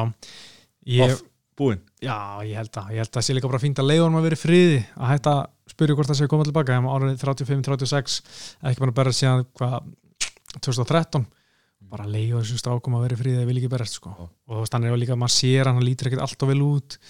Pínir svona þippin í framann þú veist, uh, greinlega mikið að djamma. Maður er alltaf að sjá Instagram hérna hann er bara endalust, bara svona lengstu stóri heimi af honum að djamma. Uh, þú veist, þannig ég ekkert mikið áhuga að sjá hann í eitthvað að fara að berðast aftur sko. búinn, Ben. Askren hann var jarðar, hann, var, hann tók fyrsta bardaðan vel ekki, ekki vel, ekki vel. Sorry, sorry, sorry, sorry. en hann tók hann, tók hann já, já. já, hárið, já. sem var hérna, sko ég, smá brain freeze hérna. Ég veit ekki hvort ég með að segja ég verið mikill Ben Askren maður ég bara held, veist, með hvað var dominant ára að koma í þessi, ég er alltaf býð eftir að hann fara að sína það sko, ég held að hann myndi gera á móti Rob Lawler, hann bara náttúrulega rétt marðið það, ég held að hann myndi gera á móti Jorge Masvidal, gerði svo sannlega ekki þar. En að ég er alltaf býð eftir hvenar hann kemur bara Ben Askren barða þetta er frábær, frábær bardaði hérna já, hann er alltaf ekki að fara að fá eitthvað þungkökk í sig frá Damian Maia, Damian Maia er svo næs. En, En- ég held bara einhvern veginn, ég er mjög spenntur eins og móti gunna á Gilbuböns hvað er að fara að gerast þið fara í ef þið fara, þið fara að glíma. Veit ekki hvort að Damian Maia sé að fara að ná benaskarinn í gólfið úst, hann er úst, ja, hann er svona það góður held ég að halda sér standandi. En ég veit ekki hvort að benaskarinn hvað hann mun gera ef hann endar ofan á Damian Maia. Damian Maia með mörg úst, hérna, svona mörg trikk í bókinni að hann geti gert eitthvað til þess að koma Ben Askren í slæma stöðu en, en veist, þetta er svona svipað með Gunnar, maður veit eða ekkert hvað er að fara að gerast fyrir maður sér það sko, en, en ég myndi samt tippa á Ben Askren sko. Er það ekki bara því að Demi Mayer er orðin það gamall eða? Jú, hann hefur líka oft gasa svolítið þegar hann er ekki að ná sínu fram sko. Þannig að það er oft verið svolítið sko með hérna með Demi Maia þegar hann veist, eins og Darren Woodley og hérna uh, svona fleiri sem hann, já, Colby Condon þegar hann er ekki í fellunni þegar hann er búin að skjóta aftur og aftur og ekki fá neitt í staðan og gasar hann og þá var þetta taka hann sko. Þetta eru mjög, þú veist, en maður einhvern veginn held að þegar að Gunni og Demi Mayer voru, voru, þá var þetta svona checkmate. Mm Já, það var ógeðslega spennandi fyrstu tvær mínútunar og hérna skemmtilegi glíma á milli þeirra en svo bara einhvern veginn var bara allt bensin búið því á Gunnar sko. Já. Og hérna mjög leðilegt en þú veist, ég var alveg til að sjá glíma aftur setja eitthvað, eitthvað matchup upp. Einhverju Polaris eða, bólumótun eða eitthvað, ég veit ekki. En klárum þetta á okkar uppál, eða mínum uppál einum, einum það var ég með fyrsta Æ, vöndar ok. Hérna, Sunna. Þáttur er þinn eða? Sunna Rafik, Já, Tsunami Hvað hérna Hvað, hvað er framtíðinni hjá henni? Hún tapaði síðasta. Þannig að þessu, þessu barda törrament Törment Já. Já, tapa það er í fyrstum fyrr ótrúlega tæft en ég menna það er bara eins og það er og ég vona, ég held að hún er bara að býða eftir að fá barða lengi en einhvern veginn ekki hýrt frá innvíkta uh, ég held að hún uh, hún er bara ekki glíma eitthvað smá meðsli núna en ég, hún var allan að vara vonast eftir að fá barða í november desember held ég. Ég veit ekki alveg hvernig næsta uh, hvernig bardagkvöldin hjá innvíkta eru út árið hversu mörgu eru eftir en þeir voru með núna í, eru með eitthvað september held ég. Og svo er bara hérna oktober, nómber, desember eða eitthvað svona tvö önnur viðbútt uh, vonandi kemst þú þar. Hún vil helst fá hérna rímats við stelpan sem hún mætti fyrst, Kellen Curran. Já. en því svo stelpan fór allavega í titilin og það sem hún tapaði. Og mistarinn sem, vann hann titil hún er bara komin í jössi núna, það er strax búið að kippa niður. En hún ná, náði ekki eins að verja titilin einu sinni. Þannig að það geti vel verið að henda í annars svona mót eða þá bara að þeir henda í titilbarta um stráðan titilinn og mér finnst alveg líklegt að Keilan Curran fái það tækifæri og ég veit alveg að Sunna er svona mikið að berjast fyrir að, að fá hérna rímats við Keilan Curran Það geti jafnvel orðið það gæti gerst en ef ég var alveg Langs- hinskilin langsótt. finnst mér, já langsótt sko já. en, en það væri flottu bardaði, mjög flott sko Varst með fleira? Já, orkubækin, hvað er það? Cowboy Cerrone. Já, kalli ángin maður. Er það, hvað? nei þessi gæi Hann ó, Er þetta ekki bara Nei, þetta er ekki besti bardamar í heimi sko, en þessi gæi, hann, hann leggur alltaf allt undir, hann er alltaf tilbúinn hann mætir ef hann er beðin um það og leggur alltaf allt undir. Já, hann er auðvitað geggjaður sko. Aldrei í beltið. Nei, en hann er eitthvað að tala um það núna hann vilji fá belti ára hættir en ég held að hann þurfi það ekkit veist, hann, ég held að hann verði ekkit eitthvað meira legend við það að vera einhver titil. Og hann verður alltaf bara legend fyrir einmitt, e, þetta sem hann segir, að vera eins og hann er. Bara alltaf til í bara hvern sem er, hvar sem er og hérna, ég held að það sé það sem gera hann að til legend sem hann er í dag og mun alltaf vera þekkt fyrir Hefur það hjálpað honum að, að taka alltaf bara næsta barndað sem býst? Nei. Það er bara að hugsa um. Nei, Nei, þessi að væri, væri að koma með belti ef hann, ef hann hefði kannski tekið eh, kannski, já, plana þetta aðeins betur, sko, velja barndaða betur það er erfitt að segja þetta en mögulega. Já, algjörlega, hann geta en ég minna hann fekk titlibarta við gegn Hafaldur Sennus á sínum tíma. Hvort hann veri eini titlibarta hans en hérna, og það gekk ekki. Þá tapa hann bara eftir 60 sekundur eða eitthvað. Er það bara búin að fá einn til barda? Held það, nú þarf ekki sem tegnum hann til að fletta upp innan maður, en bara að vinna fyrir laununum og hætti að drekka bjór? Mér finnst sko að ekki skipta hann í það miklu máli fyrir hann uh, þú veist, að því að hann er samt sko, þetta gerir kábúi kábúi að taka barta með skömmu fyrirvara, hvenær sem er, hvar sem er. Og auðvitað, ég manna þegar var hvað, kildu niður á móti Matt Brown tók barða gegn Horki Masvidal tveimur mánuði setna, það var ekki góð ákvörðin Nei. þá fór hann að tapa eftir það líka svolítið að hérna, þá sá maður hökuna aðeins var hann að gefa sig og ég held að það hefði verið mestu mistökin á að taka barða að taka hann að Horki Masvidal barða að því að það var í Denver, þannig frá Denver sko. En eh, þegar þú talar um að haka sig að fara að gefa sig myndur þú tengja það við aldur eða myndur þú tengja það við högg eða hvernig, hvað, af hverju gefur og, og, og þegar maður er að tala um að hakan sé sterk skilu þá mm þólur mörg högg Mhm. svo gefur hún sig allt nú af því að þetta er þekkt í þessum bransa að, að hakan gefur sig allt í nú Mhm. hvað þýðir það að af hverju gefur hún sig? Sko, að má, sko Kolli hérna áturnbóksar, hann kom með bara bestu líkingar sem ég á þessu, þetta er svona eins og sért með múrvegg, svo erst alltaf, alltaf með lítinn hamar sem er að brjóta upp í vegnum, bara svona smátt og smátt. Veist, það er sér litlaukin, svo að tekur steinrótaðar, þá færu stærri hamar eða stærri sleggi á veggin skilju og bara veggunum bara brotna niður hægt og róla og verður aldrei, ég aldrei sé menn fá betri högu með aldrinum eða betri högu eftir í sem þú veist fær fleiri og maður er alltaf bara verri sko. og þú veist, ég held að það sé bara samblanda af aldri og bara fyrri höggu sem þú tekið, hvort sem er á æfingum eða, eða kefni, að haka verður alltaf bara verri eftir sem fær fleiri höggi. En það er alltaf svona hjálpað mönnum svolítið að taka lengri tíma á milli bara það, til þess að leifa þú veist, að ég bara kannski, ég veit ekki hvað, hvað að segja heilanum með höguna jafna sig, þú veist, ég að það maður séð að þú veist, þegar þú droppaðir þú veist, í barda, þá átt ekki taka annar barda strax, að því að þú veist, þú átt að fá bara þú færð vantilega Bann- 60 dag, nei 30 dag bann æfingabann, en ég myndi þú veist, allan með það sem ég vera á fyrirlösturum hjá heila sérfræðingum að þú hefur bara taka miklu lengri tíma bara það að vera slegið niður sko. og þess vegna eru líka menn að, að, að þetta sparring, mm menn eru að minka það. Já, maður sér það sérstaklega með reynslu miklum bardamennu veist, og þarft eiginlega, ef þú ætlar að vera fætir þarft að geta sparhart og, og það er svona, vera simulut eftir barda sem er bara gott og gild en, hérna, en þið vart orðingar sér 26, 7, 8 ára gamalt búin að vera í í einhver ár þarft að geta sparhart og veist þú getur tekið högum, veist þú getur farið í svona aðstæðar og veist að þú veist að hérna, þú myndi ekki brotna ef einhver kýlið fast en með reynslu já, með, já, og ert með þetta allt. Þannig að þú ert freka bara miklu svona, að spara létt til að fá bara tæmi, að tímasetningu þú veist, smá hérna já, ég reynir bara tímasetningu og hérna venjast ég að vera í fætt Heri, það var title fight á móti Dos Anjos. Mm -hmm. það er eina skiptið sem hann hefur Pétur maður að klikka nú ekki. Fengið title shot. 66 sekundur, já, það var ekki lengi maður. Bóti sjóti, sem draf hann það var bodyshot já, hann var alltaf verið slappuð þar. Já. taka við sjóti sko. En áður en hann fór í UFC þá hann, fór hann til hérna fór hann í Thailand og var að keppa þar. Þeir voru að skrimta fyrir peningum sko.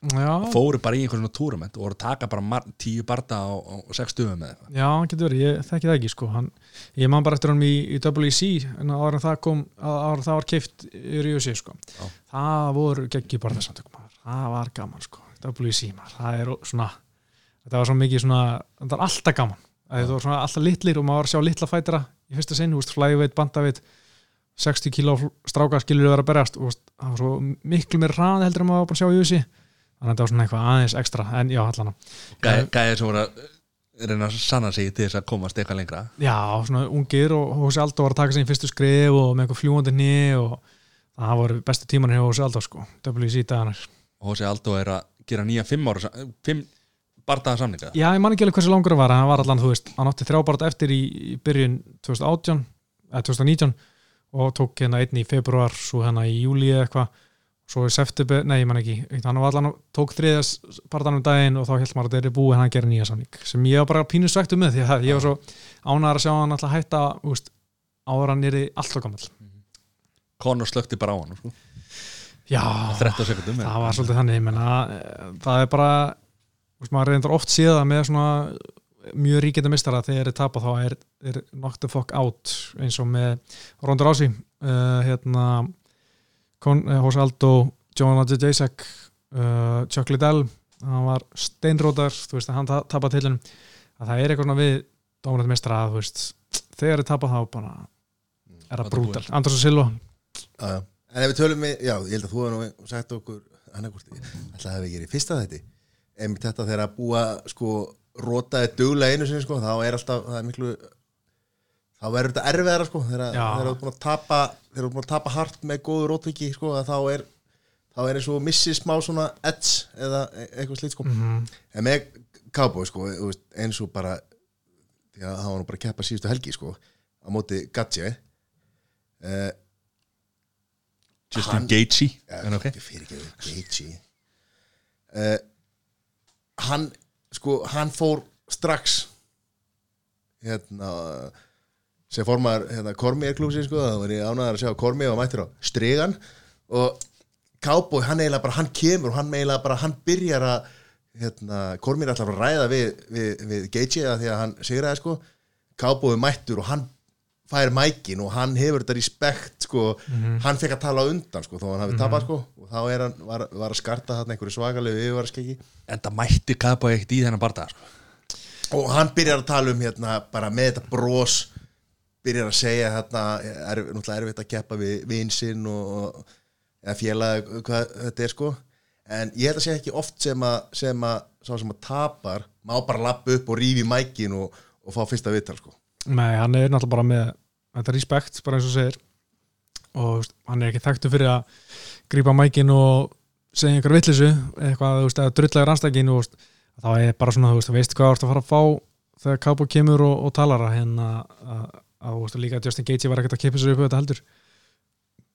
Þannig að þetta er bara svona bara sínu þá virðingu sem Kábo er með þetta.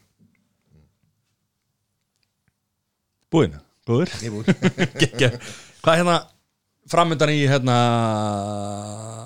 bara í UFC, hvað er hérna hverjir vera dominant og hvað, bara örstu til lókin sko. Já, sko Er ykkur að vona stjórnir sem er að koma upp sem er eftir að fyrir Ronda utan sunnu? Rási, Conor Nei, fyrir utan sunnu já, sko, Nei, ég er að segja, skil, þú veist, er næsti, næst, þú veist, Ronda Rási, Conor, næsta svona stjarnar að koma. Er það hann Pereira hann trúðurinn? Nei, hann er ekki bara að vera þar en hann er sann, ég, eins og segi ég var til að sjá hann berjast mjög oft bara til að sjá þetta, þetta sirkusleik aðeins áfram, sko, fá smá fjölbreytni. Að það sjanja náttúrulega, hann er alltaf að fara vaksandi, en hann þarf bara að vinna vittikar og Hann er ekki fara að gera það að þínum andi sko, mér langar þetta ekki að segja nei, en hann á góðan ef vittikar er vittikar ennþá, ef hann er ekki búin að taka þessi meðsli og veikindir taka of mikinn toll á honum, þá er vittikar að fara að taka þetta, sko, Ertu að fara að lýsa þeim bara það? já, Hvernig verður það? það verður geggjað, sko. Ég er alltaf spenntur að lýsa vittikar, sko. Og ertu, Ég er algjörlega hlutlis er það? Nei, nei, nei. ok. Það er mjög erfitt að vera alltaf hlutlis Já, uh, Hérna Tatjana Suárez, ég er alltaf spenntur að vera að sjá hvað hún gerir í stráðin en ég held að hún sé aldrei að vera einhver risa stjarnam Ég pínu spenntur að sjá hvað Uzi ætlar að gera með Veli Sang.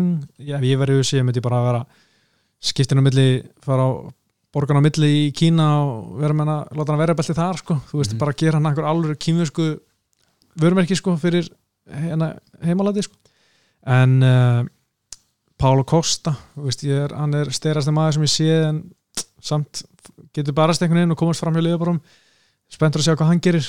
Um, þetta er svona sem kemur fyrst upp í hugan sko, en Gregor Gillespie hann er geggjar í léttutinni mér langar að sjá hann á móti Khabib eða einhverjum allan að byrjum á Íslam Makatsjöka sem hann besta vinning Khabib hann en mér langar að sjá hann uh, fá, fá fleiri menn þetta er besti veiðumarinn í þessi alltaf munið eftir hún og þannig sko en hann er geggjaður wrestler. Uh, spenntur að sjá hvað hann getur gert. Já, ég held að þetta sé og léttungveitin, það er loksins komið eitthvað svona endin í hinn, við erum að sjá Alexander Rakic og svo um síðustelgi hérna Jimmy Crute, hann tapar endur en missi Sörgnóf hann fekk sigur í, í staðin hann er flottur. Uh, hérna Johnny Walker Johnny hann er Walker. skemmtilegur sko, þú veist, það er að koma svona smá nýtt í, í léttungveitina og ég er bara að koma tími til. Er þetta ekki bara frábær lokaður það? Ég held að framöndunum þér er að fara út með Gunna. Mm Hver mun lýsa bardaðan? Herri, það verður ég og Henry frá, frá köpinn í beinni. Loksins. frá köpen bara í það er bara gammal draumur að rætast sko. Og erum við, að, erum við að skúpa þessu hérna fyrst hér eða var búið að ég held að sé ekkert búin að tilkynna þetta. Ég, ég fekk þetta bara staðfest í dag sko, þannig að ég- þetta er bara breaking news. Fyrst í mig frétti þar Fyrst ég mér eins og alltaf. Herrið, ok, frábært. Við hérna hvetjum alltaf til þess að fara á MMA-fréttir.is og hérna Hlusta á tapvarfi hlusta á taparpið uh, Búrið, það verður á sínum staði, veitir það ekki. Mm og eitthvað, eitthvað sem ég er að gleyma? Nei, eitt plögg í lokin það er hérna viðtal við John Kavanagh sem er að byrtast í fyrirmál eða första smórni ringdi hann í dag, mjög ánað með það hann hérna gaf mér tíma skilur, ég var pjóst ekki alveg í og hérna var hann spjalla aðeins um Gunnar Bardaðan og, og aðeins um skitunni hjá hann síðast að hann komst ekki í hodnið Nákvæmlega. Já. Hvar hlusta maður á þetta? Herri, her- þetta kemur bara með orðum á mafrétti.is Já, glæslega Hlökkum mikið til. Pítur Marnó, takk kærlega fyrir komuna. Takk fyrir að fá mig. Það er vonandi að, að, hérna, að það gangi allt í hægin á Gunna svo getur fengið þið nú í fjórðarskipti Við fáum því fjóraskipti hvort sem að Gunni tapar eða vinnur sko, það skiptir engum máli. Herri, takk hérlega fyrir komuna. Takk alveg